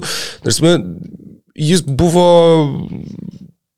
antras geriausias, nu jo, nu, antras geriausias komandos krepšininkas pernai, bet apskritai tai buvo žaidėjas, kuris, nu, labai tiko greta Luka Dončičiaus. Jis e, ir be kamulio galėjo žaisti, ir su kamulio galėjo žaisti, jeigu reikia pažaisti va to ant, antrinio žaidimo kūrėjo, kai reikėjo komandai. Ir nu, tai tikrai yra labai labai didelis nuostolis ir labai labai didelis pralaimėjimas. Ir tai, kad jo, kad jie nesugebėjo su juo susitart, e, pernai, kai susitarė su Dorianu Finismitu, tai ketveri metai 50 kažkiek tai milijonų, Tai tikrai, nu, dabar jau žiūrint, aišku, žinai, žiūrint iš perspektyvos, tai labai lengva sakyti, kad, o, o, kaip čia blogai buvo padaryta, bet, bet, nu jo, tai buvo labai didelė klaida. Ir, sakau, man irgi atrodo, aš labai, sakykime, jeigu ir Memphis turėjo tų nuostolių, nu, vat, man, net, man net sunku apibūdinti, kuri iš komandų turi didesnių nuostolių lyginant su praėjusiu sezonu. Ir tuo pačiu, kad tai yra dvi komandos, kurios pasiekė daugiau negu jos tikėjos ir man atrodo, kad šiais metais Dalasas gali būti pernykštė Atlanta kur mes žaidėm mhm. konferencijos mhm. finale ir va čia mums kaip čia viskas, mums čia rožėm klotą ir staiga blakšt, pareina realybė ir tu matai, kad wow. Nu tik skirtumas yra tas, kad Dalasas, kad Kidas tikrai sustatė gynybą, kad jie turi, nu vat, tai, ko neturėjo Atlanta ir viena iš pagrindinių priežasčių, kodėl jie pernai uh, buvo pirmo raundo patrankų mėsa, kaip galiausiai paaiškėjo, tai va ir buvo tai, kad komanda visiškai nesugebėjo apsiginti. Dalasas gynybą kaip ir turi, bet, nu jo, ir nu, turi, ir tu, turi laikosi, top 3 žaidėją lygoje faktiškai. Ji laikosi ant tokių krepšininkų kaip Bulokas, žinai, nu, ta prasme, sutikim, tu nu, nenori šiaip, kad Bulokas būtų tavo kirtinis perimetro gynybos demo. Tai yra ir tai, tai nėra krepšininkas, kuris istoriškai ten labai daug minučių žaisdavo per rungtynės ir, ir panašiai, žinai. Tada ir vėl, Fini, Bulokas, Finismitas ir Maxi Kleberas. Jeigu bent, bent vienam iš tų krepšininkų kažkas nutinka, ta garsioji, nu, okei, okay, vad gal magijai su tuo minti ir buvo pasimtas, kad bent jau reguliariam sezone tu tada galėtum, nu, tą biški labiau tradicinę gynybą pasimti ir, ir tada tausot save atkrintamosiams. Bet taip labai analogija gera ir šiaip turint omeny, kad e, Hawks lyderis irgi buvo tai toj pačioj biržai pasimtas. Na, Išmainyti vienas į kitą. Analogijos tarp e, ir paralelės tarp Dončičius ir Jango šiaip, e, nu, nesiliauja stebinti iš tikrųjų manęs. Ir aš žinau, kad dauguma krepšinio fanų Dončičių ne tai, kad ten vienoje lentynoje aukščiau laiko negu Trejanga, bet ten iš vis net skirtingose kambariuose bibliotekos. Ta prasme, ten Dončičius yra po, po stiklu padėta ta knyga, kurios negalima, negalima rankom liesti.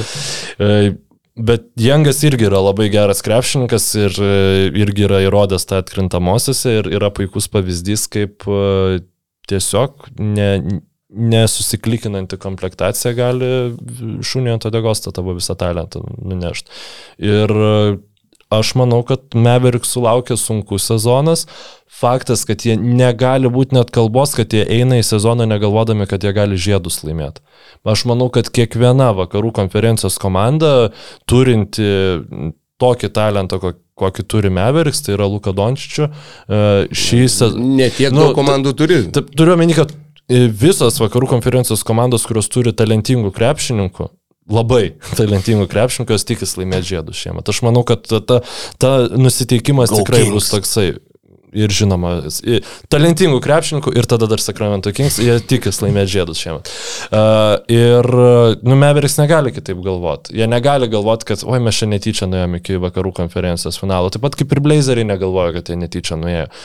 Dabar e, jų, e, kaip čia pasakyti, rankose yra kamolys ir jie turi įrodyti, kad visi čia dėjuotojai nuklysta. Ar jeigu jie nepapuls į vakarų konferencijos finalą, ar čia visi staiga loseriai yra, nu tiesiog, nu Meveriks yra sudėtinga situacija, ku- į kurią jie save pasistatė vaikydamėsi po porzingį, kas tuo metu, kai įvyko mainai, buvo mes žiauriai excited. Dabar nu bando bristi iš tos situacijos, visą laimę, kad Dončičius yra nu, pakankamai jaunas, kad dar galbūt pavyks ir išbristi ir vėl įbristi ir jis, jis dar bus talentingas ir spe- perspektyvus. Dvi komandos mums lieka, pašnekėjome apie tris, tas, kurios kelia, kelia savo aukštesnius tikslus. E, Mums liko Teksaso jaunuoliai. E, Pernai e, praėjusiame sezone, skaičiuojant neparduotų bilietų kiekį, bet kiek tu arenos procentaliai išparduodi. Kaip manai, kas buvo mažiausiai pardavusi bilietų komanda, tai nėra vienu, viena iš šitų dviejų komandų, bet vat, Washington Wizards? Bum! 75 procentai arenos. Washingtono Wizards. Wow, čia buvo įspūdingas spėjimas. E, tu, Kas klausot, tai nematot, koks smagas šiuo metu.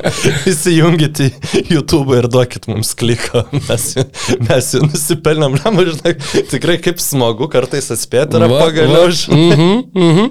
Okay. Žinau tą jausmą. Uh, tad jo, Wizards pardavė mažiausiai, toliau uh, Pacers, Magic, Thunder ir San Antonio Spurs. Tik 82 procentai arenos, 34-48 sezono rezultatas. A, komanda, taip, iškeitė Dežontą Murray, komanda apskritai turi dabar savo sudėtyje tik du žaidėjus vyresnius negu 26 metai, a, turi 11 pirmo rato šaukimų per ateinančias šešias biržas. A, Šiais metais jie pasėmė tris berots naujokus, na bent jau du tai Sohanas, tikrai. Barlow ir... Ir, Ir Branhamas, Malachi mhm. Branham, uh, jo, ir uh, Dom, Dominic Barlow. Uh, Blake Wesley buvo taip pat pirmo rato šaukimas, tad uh, trys pirmo rato šaukimai. Uh, Lenkijos rinktinės žaidėjas Jeremy Sohanas, uh, labai įdomi istorija, gimęs Britanijoje, mama Lenkė, tad uh, galiausiai pasirinko atstovauti Lenkijos rinktiniai, uh, joje žaidžia, joje yra labai mylimas, labai uh, išskirtinis. Tik kažkas panašaus į Igną Brasdeikį Lietuvos rinktiniai, mhm. vat kažkas panašaus yra Jeremy Sohanas Lenkijos rinktiniai. Jo, Bet negailestingai susifeilinau, pamiršdamas šį krepšininką, kai aprašinėjau europiečius biržai dalyvaujančius. Tai. baisu, baisu. Nu, bet Jeremy Sauhan, kaip, kaip tu gali patikrinti, ar šitas žmogus nėra Lenkas netyčia? Atsidaryti, pavyzdžiui, basketbolo. Ne, tu gali, prasme, tu gali patikrinti, bet tu tada iš esmės turi visus... e, Ne, turime, šia- šia... kad yra tikrai sąrašas, kur yra visi su vėliavėlėmis. Nu, su vėliavėlėm, tai jo, jo jo. pasiamerikietiška vėliavėlė yra, jeigu tu apie basketbolo reference vėliavėlės kalbė. Aš dabar ją aš galvoju apie- esu. ai, ai, okei. Ir yra, vien, yra dvi vėliavėlės, kurios nėra amerikietiškos sparsuose, tai yra, O, nu, Oklahoma. yra Jakobas Purtlas ir Joshua Primo. Purtlas Jo, tai visgi- turi. Visgi gimė Oklahomoje jisai, tai tuomet vadinasi kažkaip labai jaunas išvyko į Londoną, kadangi uh, ten, ten jisai mokėsi žaisti krepšinį ir uh, dėl mamos Lenkų kilmės yra theringer.com, yra labai įdomus straipsnis apie uh, Jeremy Sohan is uh, the newest San Antonio Spurs International Man of Mystery. Maždaug toks pavadinimas. Jeigu kam įdomu, labai rekomenduoju paskaityti, tikrai uh, paliko įspūdį, kad, o, oh, wow, eikti savo kokią istoriją žmogaus. E, jį vienas iš įdomiausių e, palyginimų, kuriuos teko jam perskaityti, yra Kyle Kuzma on steroids. Kad jis yra toks, nu, kuzmiškas, tik tai dar, dar fiziškesnis, dar Aš aktyvesnis. tai kai kuriuos spors fanus mačiau, kad jį su jau, jaunesniu Borisu Dio lygina. Nu, Labai, jam, labai, labai gerus atsiminimus tas krepšininkas palieka, tai čia matyti visi ieško, ieško, kas, kas galėtų jo, jo būti. Kuzmo ant steroids turbūt gal tik tikslesnis yra apibūdinimas, bet tikrai fiziškai labai tvirtas vyras. e, Ir manau, kad šiaip geras šaukimas. Turbūt bus matyti. Melaki Branham yra irgi uh, žaidėjas, kuriuo labai džiaugiasi Spars ir galių bendruomenė. Jie jį gavo Tedjuso Jango mainuose kartu su Goranu Dragičimu už Jangą, Drew Eubanksą ir antro rato šaukimą, kuriuo Raptors pakvietė Kristianą Koloko. Uh, Deroza, Derozaniško tipo žaidėjas, Melakai Branham mirtinai geras iš vidutinio nuotolio buvo koledže ir plus 42 procentai tritaškių. Tad uh, toks iš visų lygių gerai renkantis taškus. Apskritai, kalbant apie Spars, uh, Baigėsi šiais metais kontraktai Joshui Richardsonui 12,2 milijono, Jakobui Purtlui 9,5 milijono ir Romeo Langfordui, kur man buvo, o, Romeo Langfordas San Antonijui dabar. Ir uh, Douglas McDermottas turi beveik 14 milijonų šiame ir dar kitame sezonuose. Tai yra lyginti dar neteko, bet tai turbūt yra jauniausia komanda šiame sezone NBA lygoj. E, Nu, yra klaustukų. nenustepčiau jo. Jų sudėti vienas iš klaustukų yra, kas bus pagrindinis įžaidėjas, kadangi toks tikras įžaidėjas komandoje yra tik tai vienas, tai uh, Tajuso Joneso jaunesnis brolis Trey Jonesas. Uh, daugiau baisiai jauna komanda uh, yra vienas iš variantų, vienas iš spėjimų, kad Joshua Primo yra auginamas kaip aukštas įžaidėjas, nors yra jo pozicija nurodoma kaip lengvasis kraštas. Įdomus faktas apie Joshua Primo, jis yra beveik metais jaunesnis už Jadaną Ivy, kurį ką tik tai Detroitas pasėmė penktų šaukimų. Yra, jis yra per pen, penkias dienas nuo jauniausio įmanomo naujoko, e, koks gali būti, nes jis... Koks galėjo būti, jisai jau atėjo pernai. Nu, ta prasme, lygą. apskritai, m, principė naujoko amžių, mhm. tai jisai yra per penkias dienas jaunesnis, koks gali būti naujokas, kuris e, gali būti eligible draftą. Mhm. Tai yra... Penkiam dienom vyresnis turbūt tokiu atveju. Nes Taip, jeigu būtų jaunesnis, tai atsiprašau. negalėtų. jo. Nu, turiu omeny, jeigu būtų šešiom dienom jaunesnis negu buvo primo drafto metu, tai jau ne, nebebūtų mm. -hmm. galėjęs, nes jisai yra gimęs 2002 metų e, gruodžio 24 dieną, tai mm. -hmm. reiškia, kad jam e, pernai per, per kučias sukako 19 metų, žodžiu. Jo.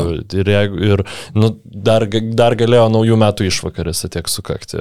ir, o jau paskui, jeigu jau sausio pirmą būtų sukakę, jau viskas jau tada turėtų būti Kitų metų pradžioje. Uh, jis ir buvo jauniausias žaidėjas pernai visoje NBA lygoje, daugiau laiko praleido G lygoje, bet, tad žodžiu, mes turim Trey Jonesą, Joshua Primo, kaip ir į žaidėjų grandį, uh, atakuojantis gynėjai Joshas Richardsonas, uh, Devinas Vaselas, uh, naujokas Melaki Branhamas ir Romeo Langfordas, lengvi kraštai Keldonas Johnsonas, Douglas McDermottas ir naujokas Blake'as Wesley, sunkus kraštai Jeremy Sohanas, uh, Keita Bates Diopas ir naujokas Dominikas Barlow, bei centrai Jakobas Purtlas, Zakas Collinsas ir Isaiah Rauby, kurį jie nukniaukė po to, kai Thunderiai jį atleido ir jį pasėmė dar su uh, waiver taisyklė, tai yra kur tas pats kontraktas galioja, tu tiesiog prisėmė jį į savo klubą.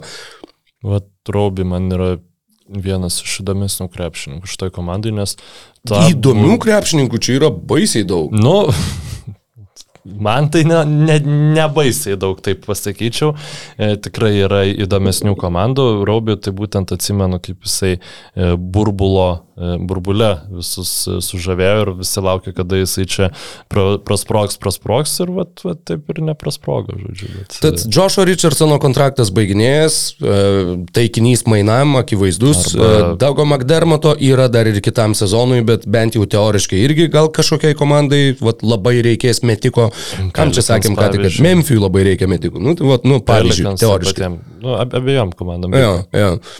O apskritai tai yra komanda, kuri aš nenustepčiau, jog bus blogiausia šiais metais visoje NBA lygoje. Sparsai va galiausiai po Kawai mainų praėjus ketveriem metam nusprendė, kad jie, jie nori va, dabar jau pilnai uh, šokti į dugną, tą daryti pirmą kartą nuo 96-7 metų sezono. Ja, Kaip padraftino franšizės, e, turbūt viena geriausių franšizės krepšininkų lygos istorijų. Timo Apskritai viena geriausių krepšininkų Taip, lygos taip, istorijoje. taip, taip. Tad uh, Viktoras Vembanjama panašu, kad yra taikinys San Antonijaus šiais metais. Ir beje, įdomus faktas, kad jie tais metais, 96-7, jie pasėmė 36 metų Dominiką Vilkinsą, kuris jau buvo, nu jau smėlis birėjo iš pasturgalio, kuris buvo rezultatyviausias jų žaidėjas tame sezone. De Davidas Robinsonas sužaidė tik šešias Jo, jisai rungtynės buvo ir rinko gal traumuotas, ten po taip, taip, taip. 17 taškų ar panašiai. Dominikas Vilkinsas metė po 19 taškų, kem 1 procento taiklumas į žaidimą, žodžiu, labai prastai. Atitikmuo šiais metais būtų, jeigu jie pasimtų Carmelo. Anthony ir leistų jam mesti viską, ką nori. Būtų, taip epic būtų.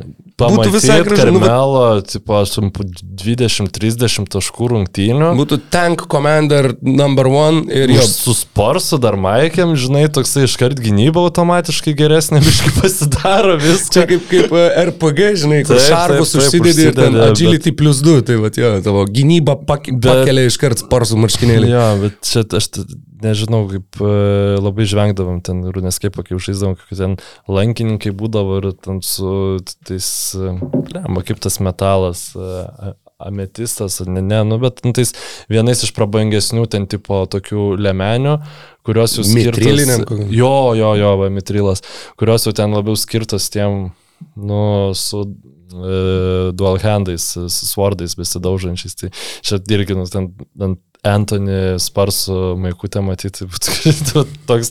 ah. Bet kaip ten komanderis, tai puikus variantas. Ir Howardą paimkit, ir Demarkusą Kazinsą. Ir šiaip tikrai, aš tai labai norėčiau, kad Purtlą išmainytų.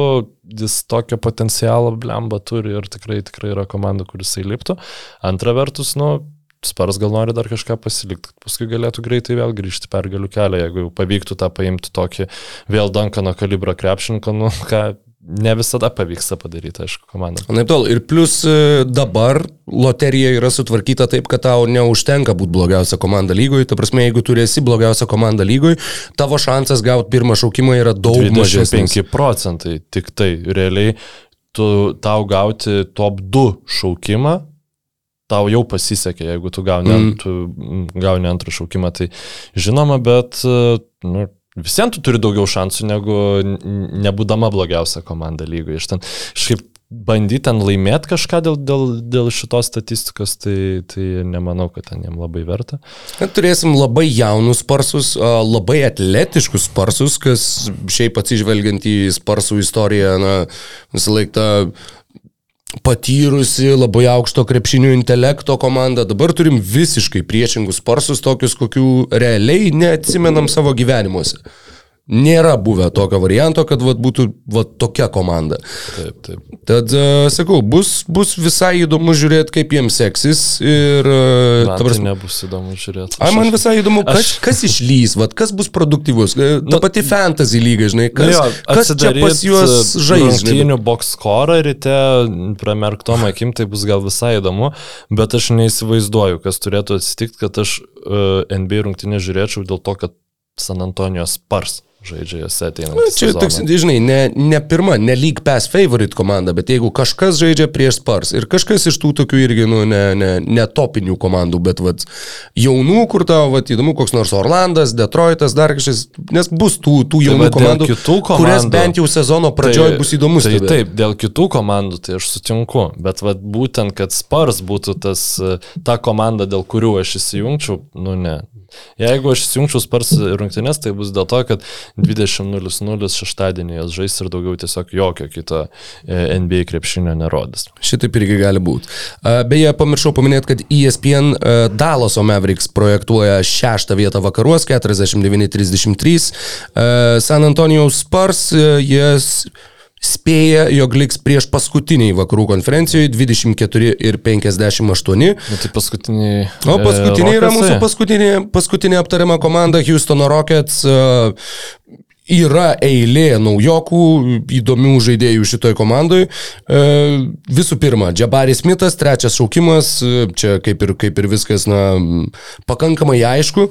Tačiau yra 17 šaukimas Terry Easonas, a, kuris buvo išrinktas į vasaros lygos žaidėjų geriausių mhm. penketuką.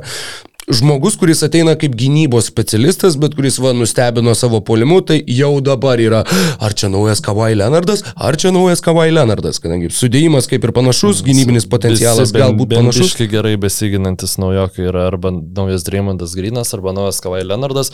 Nu dabar jau ir Markusas Marto pavardė mes girdėsim su turbūt. geresniais gynėjais, bet... Nu, Ir tuo pačiu okei. dar vienas jų pirmo rato šaukimas yra Tai Tai Washington. E, Paskutinis pirmo rato šaukimas.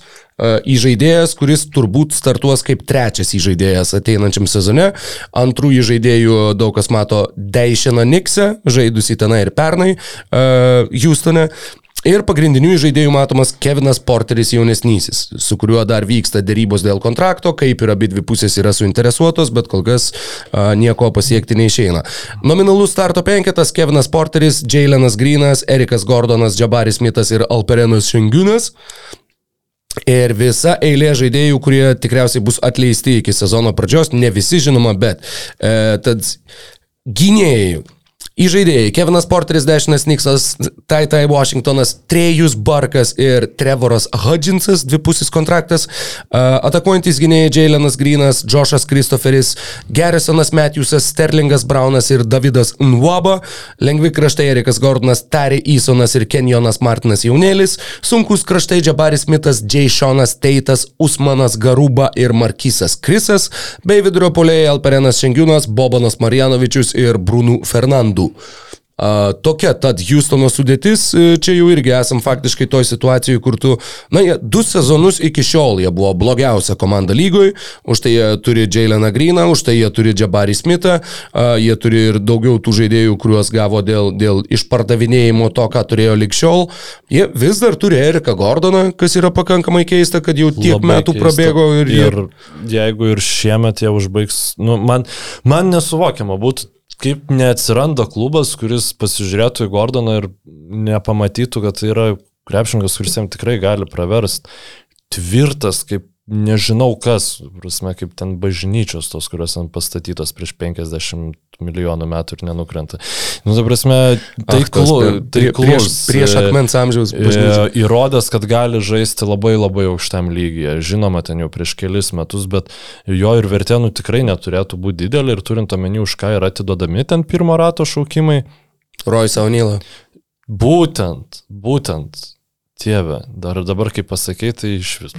Aišku, kad, aišku, kad keidėjai ateis ir sakys, Dude, come on, siūsk mane iš čia greičiau. Erikas Gordonas laisvas Jeroj Saunylą už pirmą ratą šūkimą pasiiminėja. Tai čia aš tipo problema esu, nebesvaikit. Jo, ir kas čia dar galėtų būti išmainytas iš, iš šitų rokiocų, tai... Bobanas. Aš žinau, galvoju, Džešonas Teitas, 95 metų, tai Jo. jau čia klausyk. Visai gali būti. Net aš kadangi- jaunas nebesijaučiu, o, o, krepšininkai mano amžiaus tai jau iš, iš viso. Jo, ir šiaip būtent dėl uh, minučių, kurias būtų galima atla atlaisvinti uh, kitiem jaunesniem žaidėjim, tam pačiam Usmanui Garubai, jeigu jis pasirodys esas vertas tų minučių trenerių akise. Ir jo, sakau, dalis yra žaidėjų, kurie gauti uh, iš Dalaso Krišiano Vudo mainuose ir manau, kad jų tiesiog komandai neliks mhm. iki sezono Barkas, pradžios. Marjanovičius ir... Marjanovičius, beje, manau, kad turi didžiausią tikimybę likti iš uh, Trejus Barkas, Sterlingas Braunas, Markisas Krisas, Bobanas Marjanovičius. Jo, Marjanovičius, šiaip geras pointas, taip. Ke- Kenjonas Martinas jaunesnysis irgi ten buvo visokių kalbų, jis, Jis, liks jis prašo mainų. Šitas yra, Jo, yra dokumentuota. Ir, ir tas pats be abejonės Kevinas Porteris jaunesnysis yra visiškas karštagalvis ir um, ne, tiksliau, manau, kad gali būti, kad bus panaši situacija kaip su Vudu, kad jis bus išsiųstas už kur kas mažiau, negu mes galvotumėm, kad dabar jo vertė yra tiesiog dėl to, kad nu, ne, nebeįmanoma bus jos susitarti. Tai irgi komandai, kuri nori kažką surizikuoti, yra visai gera mintis. Rockets yra viena iš komandų, kuriam labai rekomenduočiau mesti pinigus į Koliną Sekstoną. Nepasiteisins, tai čia jokių problemų nebus jo atsikratyti, o jeigu pasiteisins, tai tu ten gali turėti bičią, kuris po 26 taškus rinko, kai buvo sveikas, tai mm, man atrodo visai geras variantas. E, Kalbant apie tas rizikas, e, bi, bi, bi, bi, bi, bi, bi. Kodėlgi man dabar čia nerodo to, ką aš buvau radęs, bet uh, Houstono Rockets kitam sezone turėtų, uh, turėtų turėti, jeigu nieko neprisims šiais metais, kitam sezonui. Uh, šiais metais jie dar moka tuos 40 milijonų Johnui Wallui. Kitais metais jie turėtų turėti apie 71 milijoną laisvos erdvės algų kepuriai. Vietos dviem blogiam kontraktam. Turbūt, turbūt, gali būti. Bet uh, jeigu ką, jeigu labai norės kažko tai labai jauno, galima pamėginti kažką tai įs- kitais metais. Įskaičiavai šaukimą, tikėtina, kurio... Nežinau, žinau, Jo. buvau radęs tweetą, kur buvo, vat, grinai, kur... Nes, nu, dar A way too kad- early salary projection for... for Nes jeigu, Next ai, season. nu, tai jeigu projection, tai dažniausiai ten normales daro, bet šiaip tai reikia turėti omeny, kad ten, uh, va dar atrodo, kas šie šaukimai yra, bet kai tu tos šaukimus uh, top 5 ėmi, tai jie 7, nuo 7 iki 10 milijonų yra uh, metinis kontraktas, paskui ten išauga net ir iki 12 paskutiniais metais, tai jeigu ten... Jaileno Grino kaip tik išauks iki 12 paskutiniais metais, uh, Jabaris Smito beje irgi. Jo, Tad, tai jo. jeigu tu pafeilinė su tais pirmais šaukimais, čia kaip Cavaliers buvo, kurie irgi ten baisiai daug tų aukštų šaukimų turėjo, bet ten su Kubenetu prisirinko, tai paskui jis ten, na, aišku, išsiuntė mm, laiku į, į Keviną Love. Jo, tik tai metus praleido Benetas Klyvlandė, tai jo. Tai turbūt tiek, aš nežinau, šiaip ne, man Rockets vat, bus dar ta komanda, kuri bus gal šiek tiek įdomiau negu Spurs žiūrėt, bet tikrai bus, aš manau, pakankamai daug įdomaus krepšinio ateinantį sezoną, bent jau pradžiui, kad vat, visų šitų komandų mes jas iš highlightų galėtumėm sekti ir stebėti. Tad e, šitaip atrodys pietvakarių divizionas kitame ateinančiame, tiksliau kitame artėjančiame sezone. Tų divizionų mums lieka dar keturi, tad lieka dar bent keturi tokie nuodugnūs pokalbiai apie tai, ką NBA klubai nuveikė tarp sezono metu. Ir tuo pačiu, žinoma, mūsų dar laukia e, Telemunda prezenta Los Nets de Brooklyn e, ir, ir visos kitos istorijos, kurios e, tikiu, kad dar taip pat kažkiek tai papildys visą tai, apie ką mes galėsime kalbėti iki pat reguliariojo sezono pradžios. Ir aš dabar supratau, kad po kitos tinklalaidės aš važiuosiu žiūrėti paskutinės Better Call Saul serijos iš viso. Tai labai gaila, nes labai labai geras serialas. Nu va, neteko žiūrėti, galbūt, galbūt kažkada teks. geresnis negu Breaking Bad. Tai labai rekomenduoju visiems, kas dvėjojat. Tai ką, sėkmės. Ačiū visiems uždėmesį, ačiū Basket News, ačiū Aridonui, nepamirškit Jo, uh, rašyti. palaikinkit. E, Labai video. Labai svarbu. Bet ta prasme, žiauriai svarbu. Taip svarbu, kad galit palaikinti, tada atspausti ir vėl palaikinti, na, aš leidžiu. Ir tada pakomentuokit, galit e, komentuoti apie daug dalykų, galit komentuoti apie mūsų turinį, galit komentuoti apie tai, ko norėtumėt, kad pakalbėtumėt. Nu, jeigu labai norit, galit pakomentuoti, kad man laikas eiti apsiskusti čia. Labai kažkai yra kam svarbu, kaip mano barzda atrodo, tai irgi galit pakomentuoti. Apie roko kepurę irgi galit pakomentuoti. Apie tai, kad man reikia nusiskust plikai, irgi galit pakomentuoti. Apie klausimus, galit uždavinėti po mūsų video klausimus, kuriuos iš tikrųjų norit užduoti e, Basket News e, podcast'ui Q&A. Mhm. Irgi tikrai galit komentuoti, ne kartą YouTube jo, drąsiai, Ne- ne- drąsiai. Ir jeigu norit stumtantų žmonių, kurie tos klausimus užduoda, irgi galit komentuoti. Žodžiu, svarbiausia Arba pagirti tuos žmonės už gerus Pagirti, klausimus. taip, arba atsakyti tos klausimus tiesiog irgi. Vat. Galbūt kažkas žino, jeigu jūs užduotumėt klausimus tiesiai ten, galbūt mes tada paprašysim kolegų, kad jie iš karto atrašytų ir taip, va, tas tų komentarų daugiau bus.